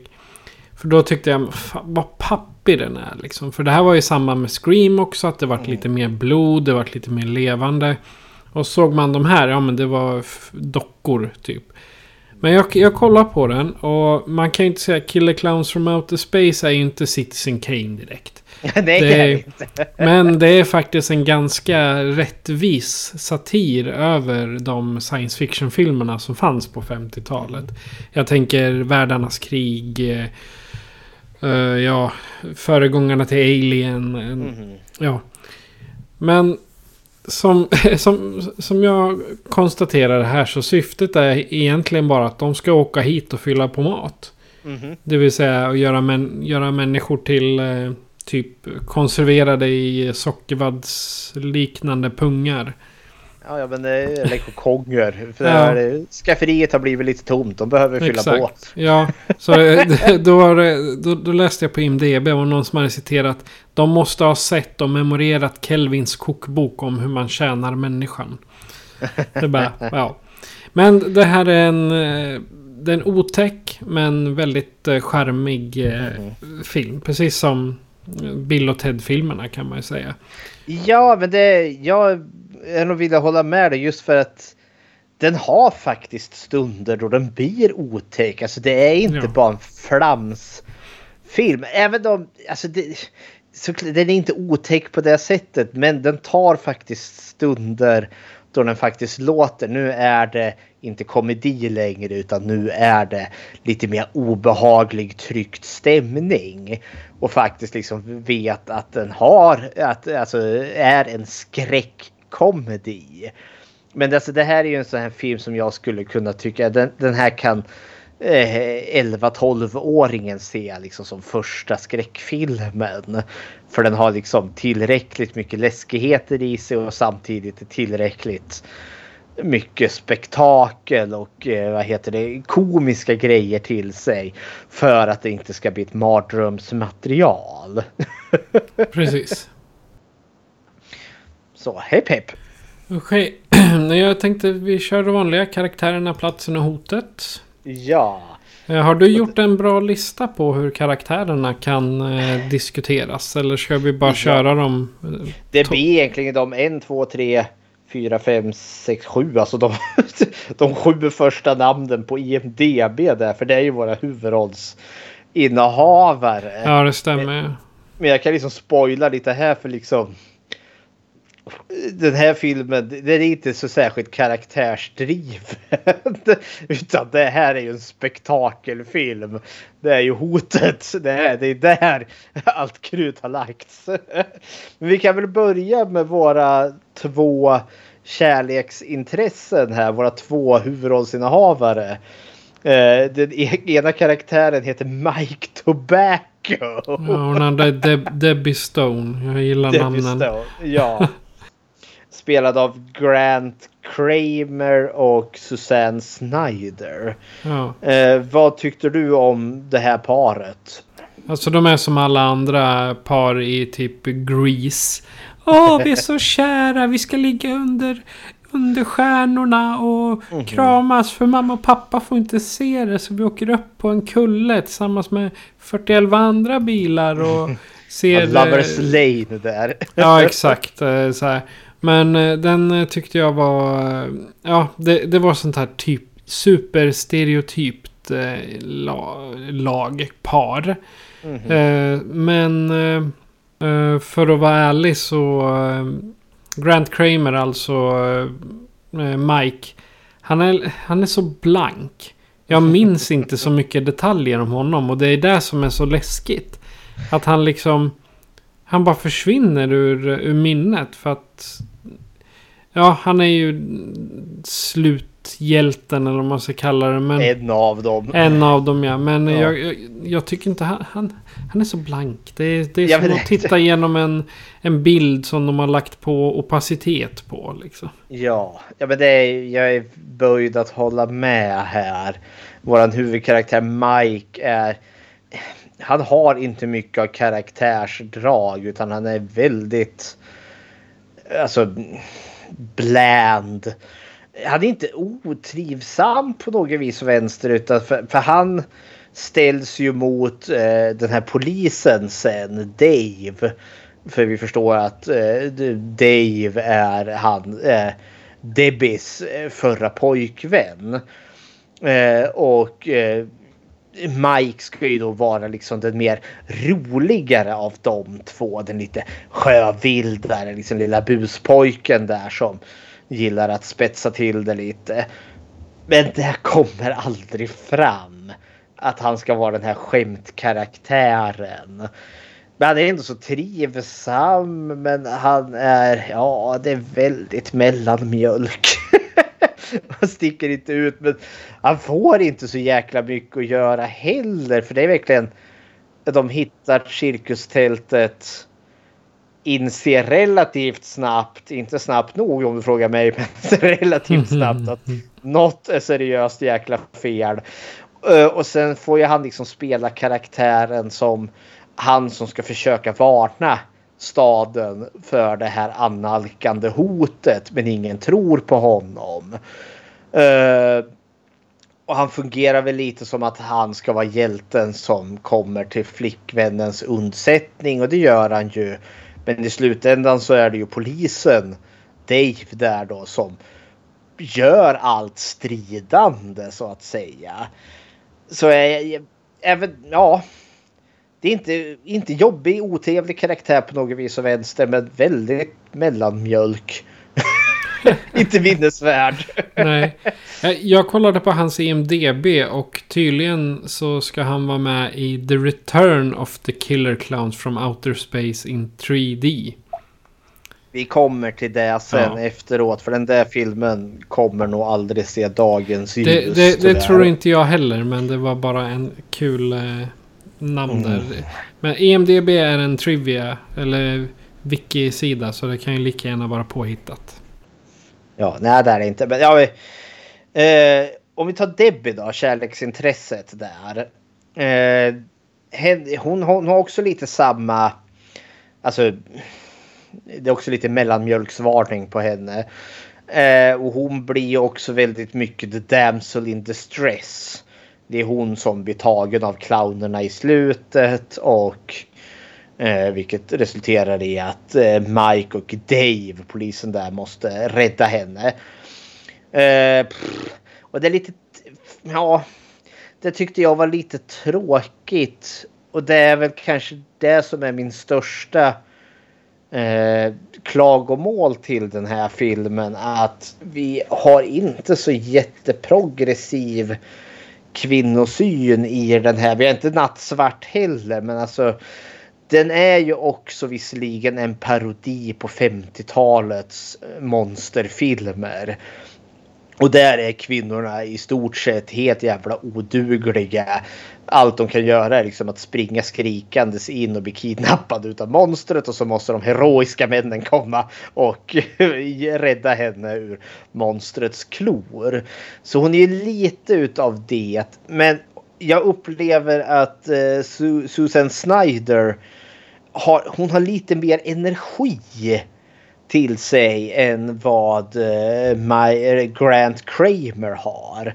Hon, hon har lite mer, alltså, jag vet inte vad, hon har det lilla, lilla extra som får henne att eh, bli, inte vet jag, hon är inte mellanmjölk, hon är rödmjölk. det är några procentenheter mer fett där. Ehm, och jag vet inte vad, för jag, jag, jag gillar, det- det- hon har den här eh, eh, hon är lite mer bubblig, hon är lite mer den här positiva, gladare eller mer äventyrslystna. För hon är ju den som vill gå och leta efter meteoren efter att den har landat. Det vill ju inte Mike.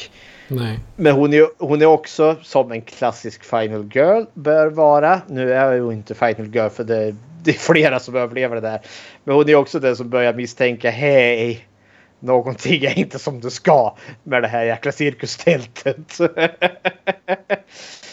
Och hon får ju en actionscen i alla fall när de här ormarna, clownormarna eller vad det är som kommer ut ur vad är det, hennes tvättkorg, badrumsskåpet och eh, toaletten och attackerar henne i duschen där. Då, då får hon ju agera lite och få slåss mot de clownerna. Annars är hon ju pacificerad genom hela filmen. Vilket jag tyckte var trist. Mm. Ja, har du några tankar kring Debbie?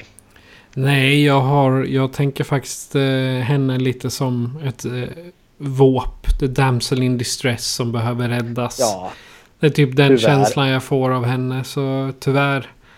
Tyvärr Susanne Schneider. Det, det var inte... Du gjorde inte mig nöjd. ja.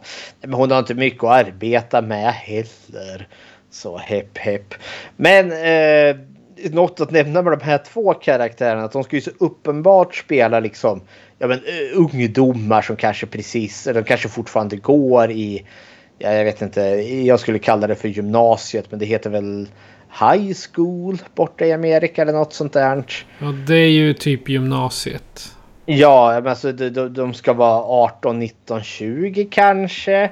Ja. Eller åtminstone, inte, åtminstone inte äldre än 22 i alla fall.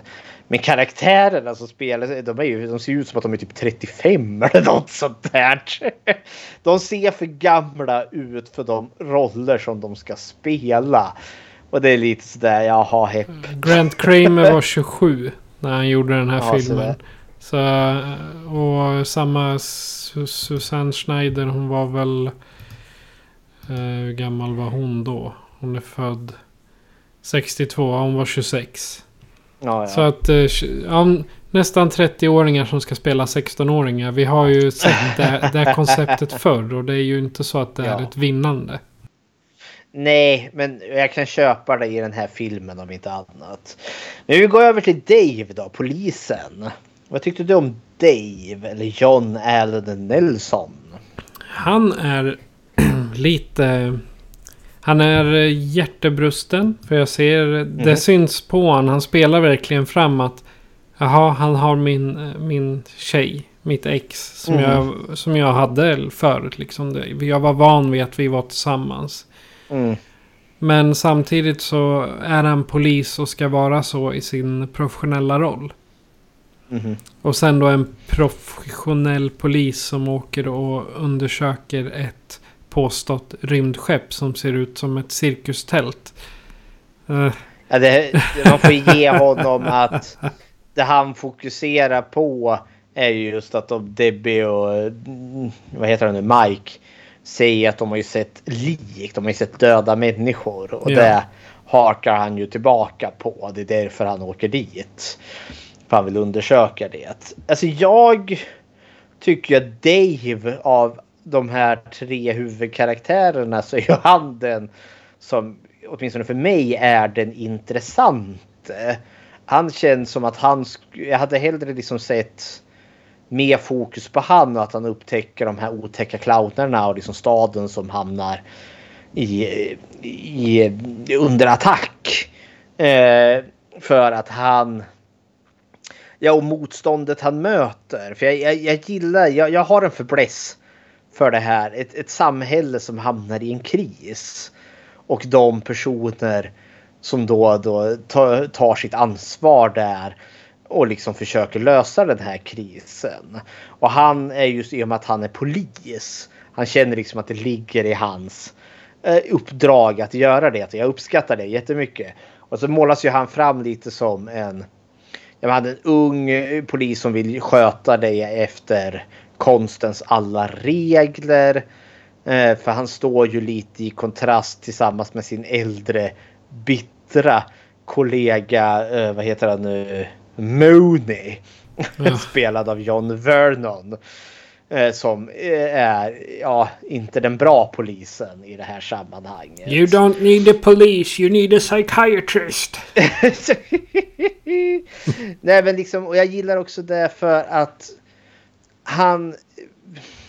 Det här kanske är för att måla in filmen för mycket eller att kanske ge den för mycket men samtidigt inte för jag fick de här tankarna ändå. För han är den här unga polisen och han, han, han tar inte Moonis skitsnack.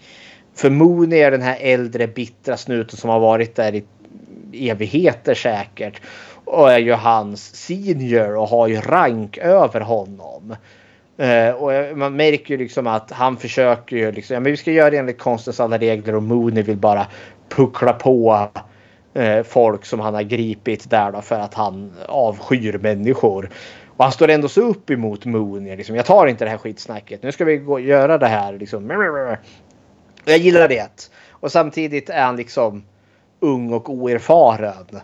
Uh, och jag vet inte, jag gillar just att han står på sig. Uh, och han blir också den karaktären som också... Han hamnar ju onekligen i filmens otäckaste scen. När han möter clownen i polisstationen där. Och jag gillar också just att, att i en stressad situation så kan han liksom tänka kallt och ja, agera därefter. För det är då han lyckas komma på vad clownernas svaghet är. vi, vi, nämnde ju Mooney här, John Vernons karaktär, den elaka snuten. Ja. vad tyckte du om han? He doesn't be, need to be a police, he should be at a psychiatrist. Mm. Men han är verkligen en sån här som Nej, jag hatar livet. inte, alltså, jag, vill, jag vill inte hålla på med folk. Jag vill sitta hemma och läsa mina serietidningar och... Liksom... Han, han, liksom- läser väl, han läser väl vapentidningar? ja, just det. Det gör han.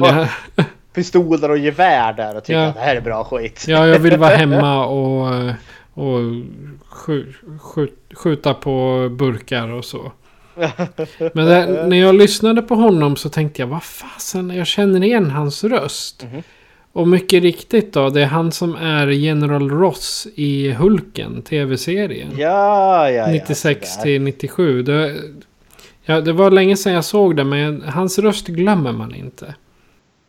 Ja, men han, jag känner ju kanske mest han som borgmästaren i, i Dirty Harry där. Ja. Och han brukar ju spela, han har ju spelat regeln liksom så här lite bittra polischefer eller liksom strama militärer. Så det, det känns ganska passande för hans roll. För han är ju en skitstövelkaraktär. Men det är så jäkla roligt att se. För han spelar ju ut. Det är en trivsam skitstövel att titta på. För han är så helt orimligt dum i huvudet den här mannen. För, han, för när folk börjar ringa in liksom. Och herregud det står clowner här utanför. De gör så hemska saker. Och det ringer samtal efter samtal. Och han tror ju nej det här är ju bara det är en stor komplott. Hela stan håller på att konspirera emot mig för att de vill att jag ska gå i pension här för att bli av med mig. Så han liksom sitter där medan stan håller på att gå, gå under. Så sitter han där och är helt övertygad om att hela stan har gått emot honom med att fejka någon historia om mördarclowner. Så. Inte ens när, han, när det kommer in en clown Eh, så verkar han liksom kunna koppla ihop det ens en gång. Och allt det märkliga den där jävla clownen gör.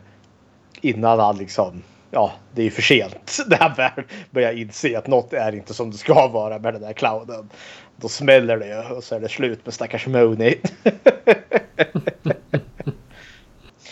Sen finns det två karaktärer till. Ja. Och, i, eh, och det är ju bröderna Tersini. Eller Ter. Terenzi. Ja.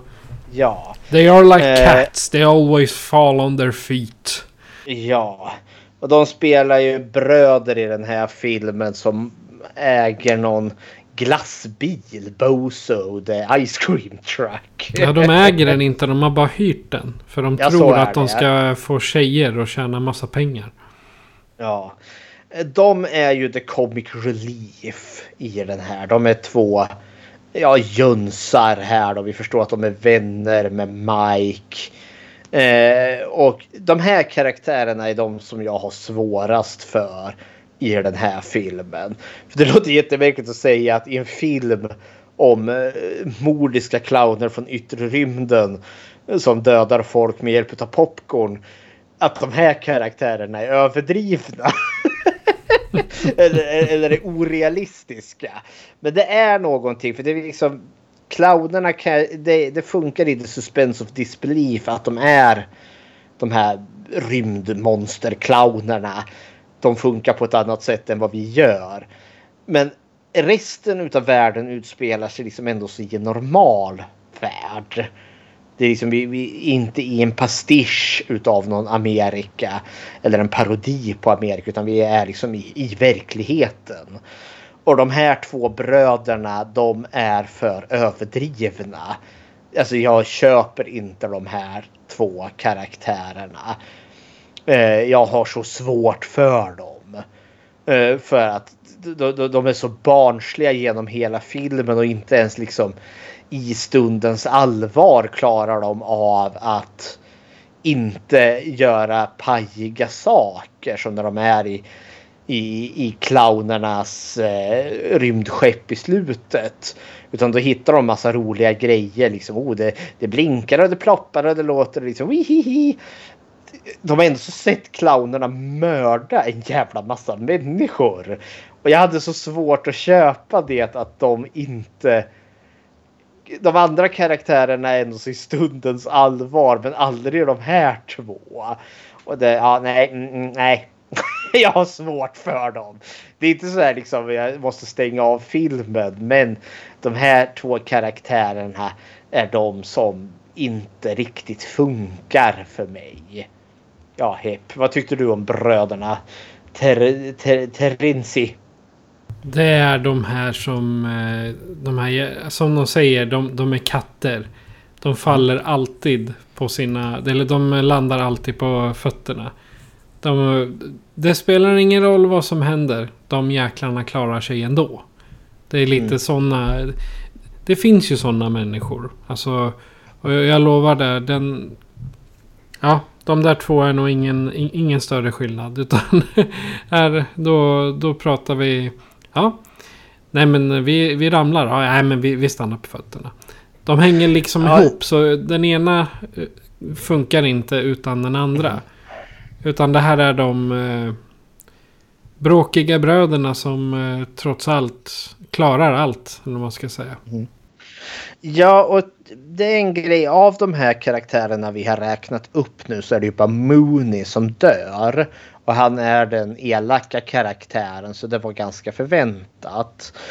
Eh, något som också som irriterat mig även från start är ju just att bröderna, eh, de här bröderna, de får ju en dödsscen där man antar liksom nu är de döda. I slutstriden mot Clownsilla där. Eh, det var den enda gången de gjorde någonting som jag faktiskt genuint tyckte var smart för de liksom våra tre huvudkaraktärer i en hopplös situation liksom omringad av clownerna.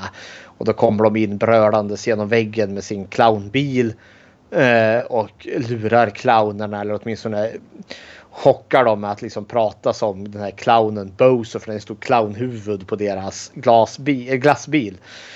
Och clownerna blir helt ställda så att de kan fly. Men då kommer ju Clownsilla ut som en av ledaren för clownerna. Han är ju jättestor, varav namnet Clownzilla. Och slår sönder bilen och kastar iväg den var på bilen. Eh, ja, exploderar som de gör i film. Men där eh, för i slutet av filmen så får vi liksom reda på nej men de klarade sig tack och lov. Eh, och jag störde mig lite på det. Inte liksom för att och jag tyckte de var störiga karaktärer och jag vill att de ska dö. Utan för att det blev ingen förlust i, av karaktär. Alltså det fanns ingenting som träffade under bältet. För de här karaktärerna var ändå så omtyckta utav våra huvudpersoner. Och det gjorde lite liksom också som att nej men om de nu inte dog.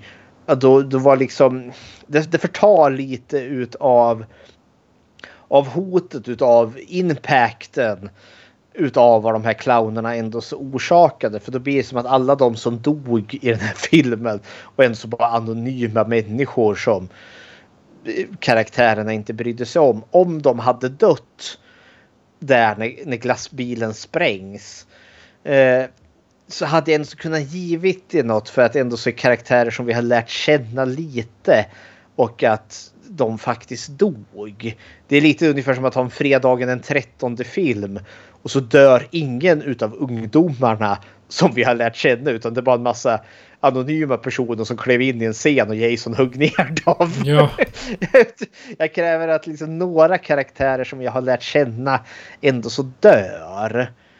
För det, liksom, det ger lite mer impact till filmen. Men det är bara jag som nördar på här. Men det, jag har alltid stört mig lite på det. Okej. Okay. Men jag anser att eh, det är alla... Eh, vad ska man säga? Jag, jag, anser att det är karaktärerna som man kan eh, markera som relativt ja. påverkande. Jag menar gubbarna som är i clownerna. Det är ju, det är ju svårt att... de kommer, vi kommer till att de är under hotet här. ja. Men platsen då. Uh, nu ska vi mhm. se. Det finns ju... Det är ju flera platser och här är jag lite osäker på vilka man ska säga är de mest centrala. Dels har vi Just. ju själva rymdskeppet. Jo, det förstås. Och sen... Uh, vad har vi mera? Jag skulle ju säga rymdskeppet och staden. Till ja. viss del lite Lovers Lane där. Men alltså det är ju liksom. Vi är ju majoritet i staden där när clownerna håller på och ställer till det. Ja. Ja, men vi kan väl ta staden först där då. Uh, för och sen kanske lite i Eh, det hänger ju lite ihop med Lovers Lane. För staden är ju verkligen sen. Det är lite vad jag föreställer mig Haddonfield är i, i, ja, i Halloween-filmerna. Det är liksom ett, ja men det, det är huslängor vi får se. Vi rör oss inte där det finns lägenhetskomplex utan det är liksom enskilda hus med varsin liten tomt och ett vitt staket runt omkring det. Och vi har en liten matvarubutik och vi är vid en hamburgerhak vid något tillfälle. Så det känns som att vi är i någonstans medelklassens Amerika. Med idelt eh, vita människor. Det finns inte en mörkhyad person i hela den här staden. Nej, det är en väldigt vit stad. Ja, eh, den enda gången vi är på något ruffigare ställe är de här eh, vad heter det, när vi träffar det här motorcykelgänget. Eh, då är vi någon, eh, typ den enda allé i hela den här staden då som är graffitimålad eller något sånt där. Ja men herregud. Men ja. Men i övrigt så är det, alltså jag vet inte också om det här liksom är en sån grej till ja, 50-talets Amerika där alla mådde bra. För det är verkligen så att helylle Amerikasamhälle där liksom alla lever sitt lilla liv. Fullständigt ignoranta om det här hotet. Som sakta men säkert tar sig in och liksom inte sakta men eller jo, de är ganska långsamma de här clownerna. Men de är så jävla inlullade i sin trygga vardag att de verkar inte lägga märke till att folk dör i ganska galopperande mängd. Vi är ändå så ska man ja, ska man räkna liksom på kukongerna som man ser i slutet av filmen. Alltså de har tagit ihjäl halva stan. Ja men däremot eh, typ sista kvarten där åker de ju bokstavligt talat runt i stan och dammsuger upp folk. Ja, det är awesome! I en lådbil. Jag gillar det. Ja, men och det är något som också, det kanske vi kan ge till alltså platsen, settingen. Det kanske kan gå in på eh, eh, tivolit eller rymdskeppet. Ja. För den här filmen har så mycket att titta på de har ju onekligen byggt upp ja, det som är de här gångarna till det här rymdskeppet som de är i. Det här eh, matsalen eller lagret. Där de här kukongerna, de här sockervaddskukongerna hänger. Eh, jag är imponerad ändå eh, över hur mycket de har gjort och som den här dammsugaren som du nämner. Den är ju bara med i en enda kort scen men det är ändå så byggt och den är stor. Det är inte någon liten jävla modell utan den är liksom för vi ser de andra clownerna som går bredvid den och vi ser liksom den åker ju bredvid andra bilar. Den är ju stor som en minibuss. Den är enorm! och allt där har byggts och du nämnde den här lilla lådbilen också. De har ändå så byggt en bil, eller ja det är väl något chassi till en liten bil som de har byggt på. Men det funkar. Det funkar så väl med liksom den här estetiken om Alltså eh, om jag skulle föreställa mig liksom rymdclowner, rymdmonsterclowner. Så köper jag liksom hela vägen med det här liksom tivoli science fiction biten. Jag, jag tycker de har eh, fångat det perfekt. Vad tycker du? Eh, jo, det, jag gillar det. Eh, särskilt eh, som... Du sa ju ganska mycket av det jag hade på huvudet också. Men jag, det är en sak jag kom på apropå de här lådbilarna. Det är ju att... Det är ju någonstans där, eh, jag, jag tror de, de ska köra ut pizza eller vad det är. Så öppnar de dörren och det kliver ut sex stycken ur den lilla lådbilen. Då kommer jag att tänka bara It's bigger on the inside. En eh, clown tardis eller vad man ska säga. Ja. Nej men det, settingen är, det är ganska uppenbart att det är filmat på plats när de väl är i stan. De har ju inte byggt upp en studio med allt det. Nej det har de inte. Men jag måste säga att eh, just eh, den här eh, rymdskeppet är ju riktigt coolt. Faktiskt. Ja, det, är ro, det är roligt i sin fånighet. Och Ja. sen när vi får se den när den flyger, för det ser ut som ett cirkustält. Men så förstår vi att den är mycket djupare för när den flyger iväg i slutet. Den, den, är, ju den är ju konformad. Den ser ut som en, ja vad heter det, en dreidel. Som man spinner så snurrar den. Så ja, det är lite som jag föreställer mig att alltså, ett flygande cirkustält skulle se ut. Jag, jag tittade på filmplatserna och eh, interiöret av eh, rymdskeppet filmade de på Seagate Computer Electronics Manufacturing Facility med tanke på storleken. Nu så är det ett sjukhus som äger platsen. Uh, ska vi se. Crescent Cub som eh, staden heter i filmen. Den heter egentligen Watsonville. Och eh, polisstationen är faktiskt en polisstation idag. De filmar på en riktig polisstation. ja. Ungefär som i Black Christmas. Det är också en riktig riktig. polisstation vid det då. Nu var den ju typ en blomaffär nu. ja. ja, men så är det. Och jag tänkte vi, vi kan väl eh, studsa över till eh, en av mina favoriter. Hotet. Mhm. Och det är ju, nu ska vi se här. Alltså det här är ju höjdpunkten med den här filmen. Det är ju clownerna. Eh, det jag tänkte liksom en film som som jag tänkte redan när jag såg den första gången. Eh, och som nu är att det, det finns vissa liknelser med, säg Gremlings. Från 82 där, eller 83, 84, nu vart jag osäker. Men Gremlings kom innan. Och just att hotet är de här för, liksom lustiga, elaka karaktärerna. Som, för det är uppenbart att de här clownerna tycker att det de gör är kul. Men det är alltid elakt där de gör, precis som i Gremlins. Det är liksom små elaka saker som eh, tycker det är skitroligt att göra folk illa. Och det är lite snarlikt i den här. För clownerna har ju bevisligen kul. Nu är det lite så här kul men just nu visar sig tvisten twisten att de är här för att äta oss. Eh, de, su- de dricker vårt blod. Eh, och nej, det, det är kul i all sin fånighet och samtidigt är de här clownerna ganska creepy.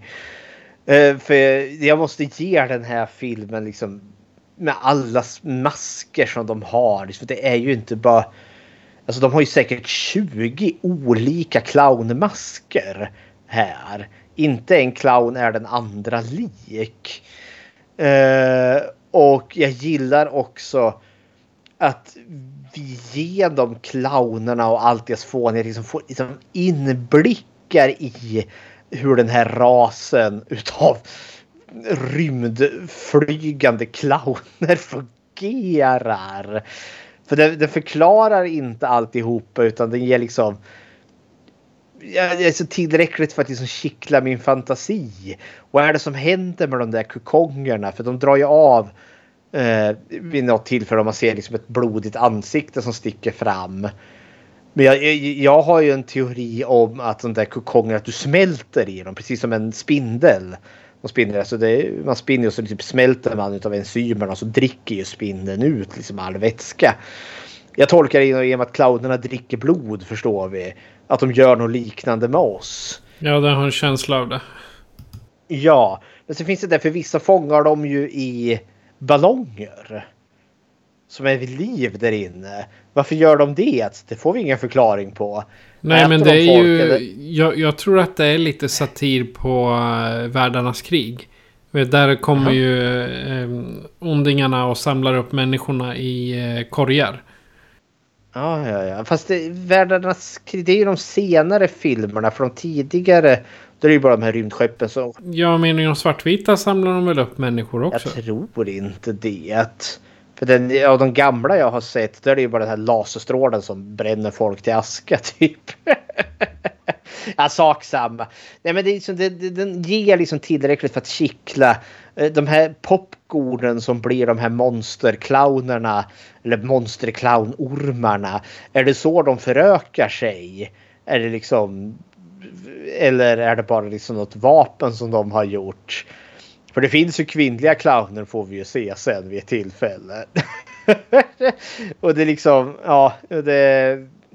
Jag, jag, jag tycker liksom hotet här är helt fantastiskt just för att clownerna hela tiden kan... Alltså, de, det, det är ju inte riktigt att säga att de bryter den fjärde väggen. Men de bryter mycket av logiken.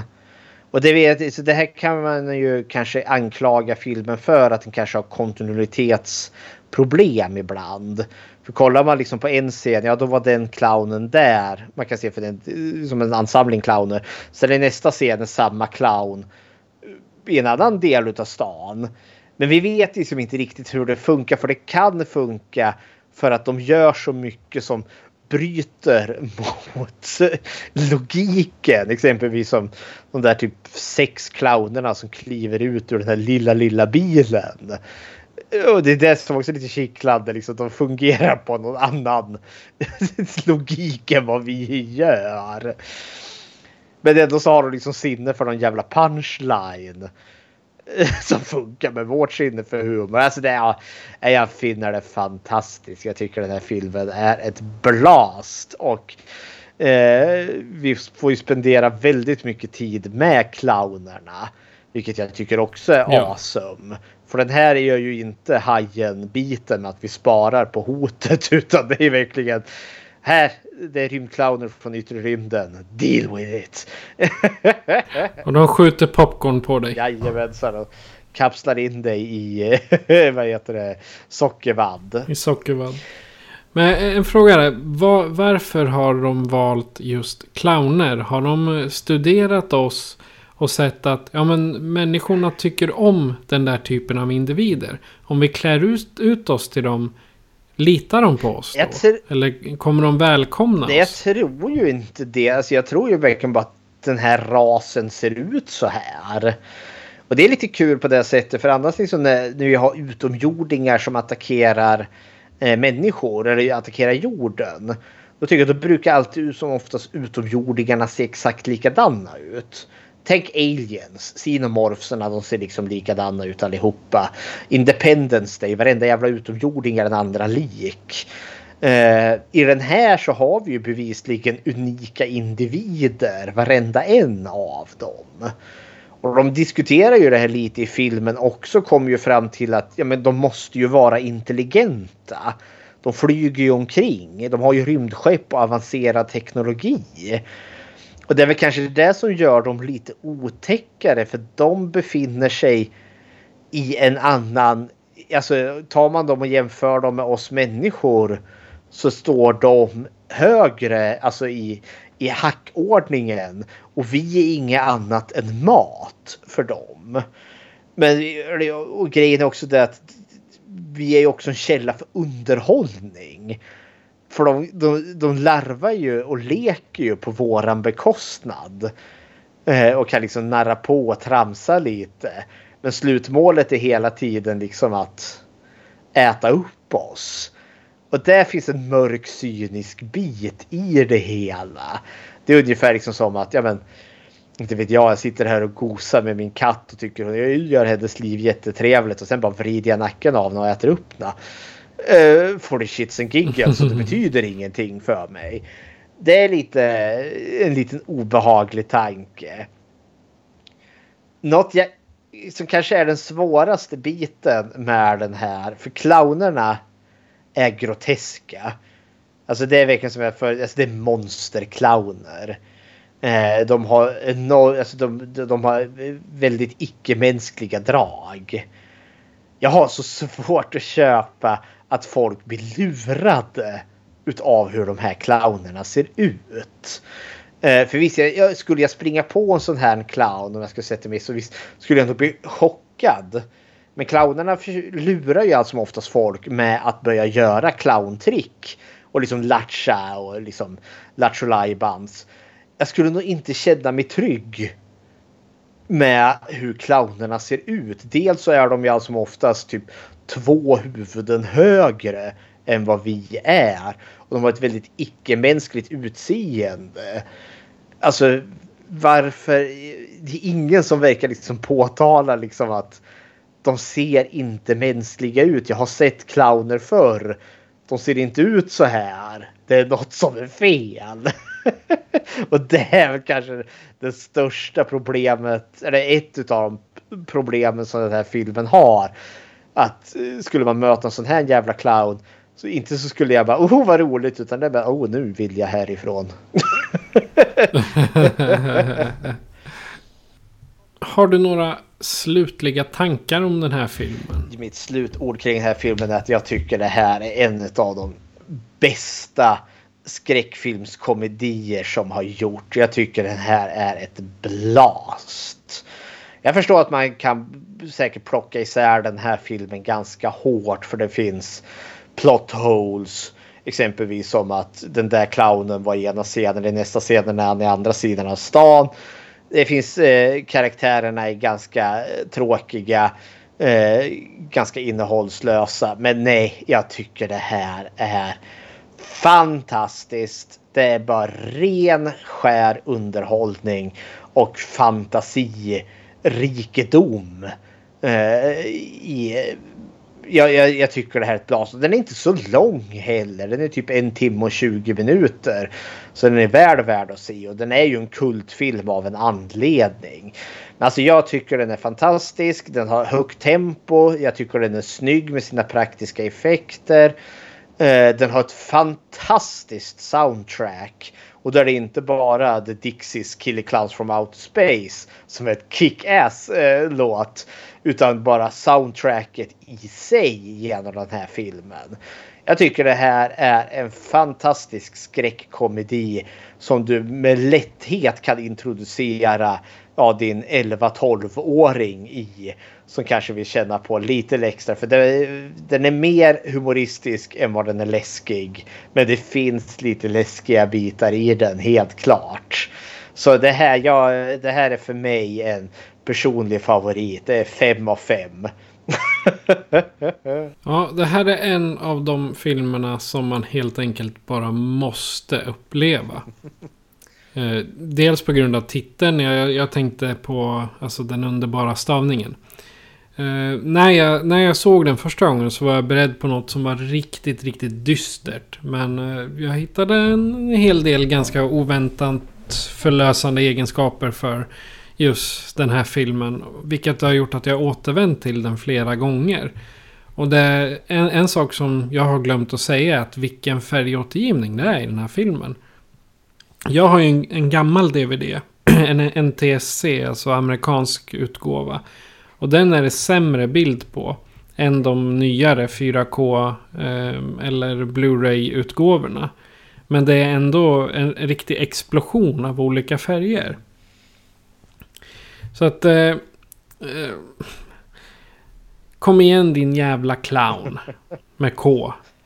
Så här, men hur kan man inte uppskatta ett så fint manusförfattande? Så eh, det, det hittar jag en, en, eh, en, eh, ett citat om.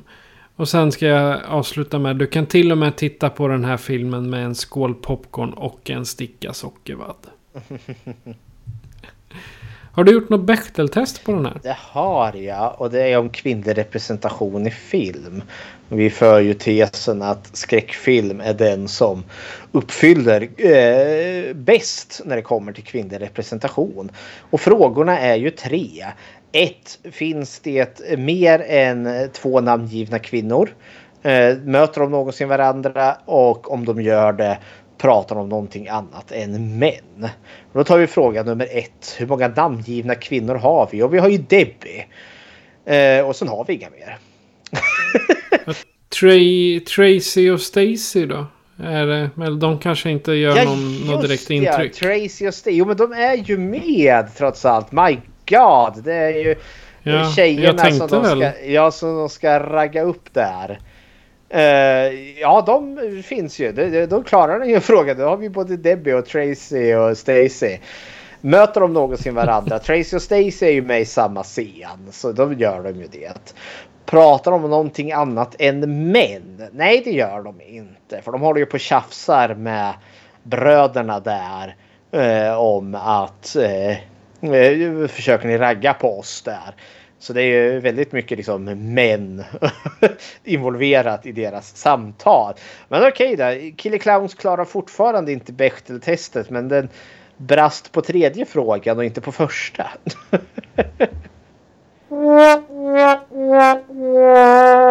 ja.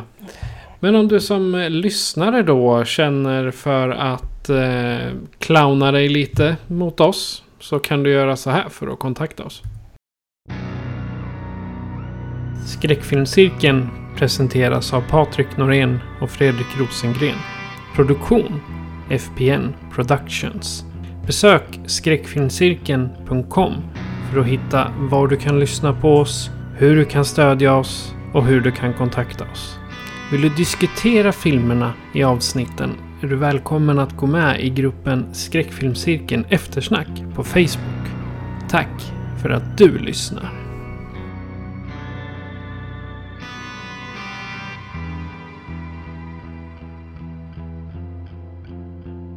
Och Fredrik, vad bjuder vi på i nästa avsnitt? Jag har ju utnämnt 2022 till the year of the king. Så nu ska vi ta oss an den första Stephen King-filmen här. Och då ska vi se inget mindre än Djurkyrkogården. Fantastisk film. Mm. Som, eh, och vi ska säga, är det originalet eller remaken? Eller ja, det första. Den från 89. Ja, originalet alltså. Mm. Ja. Men då har vi clownat oss färdigt för den här gången. Jag tröttnar aldrig på att säga clownat. Det är dags att plocka ner tältet, packa in oss i lådbilarna och fara ut i rymden igen med våra sockervaddspungar ifyllda. Så vi har bara kvar att säga att eh, jag heter Patrik. Jag heter Fredrik. Du har lyssnat på Skräckfilmscirkeln. Adjö på er.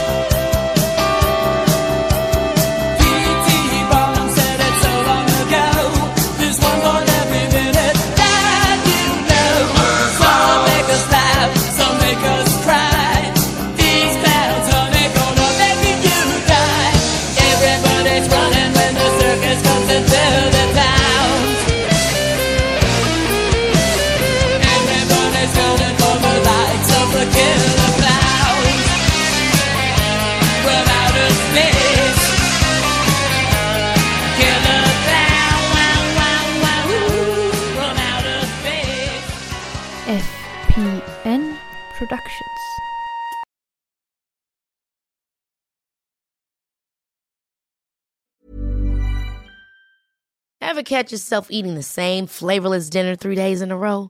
Dreaming of something better? Well, HelloFresh is your guilt-free dream come true, baby. It's me, Kiki Palmer.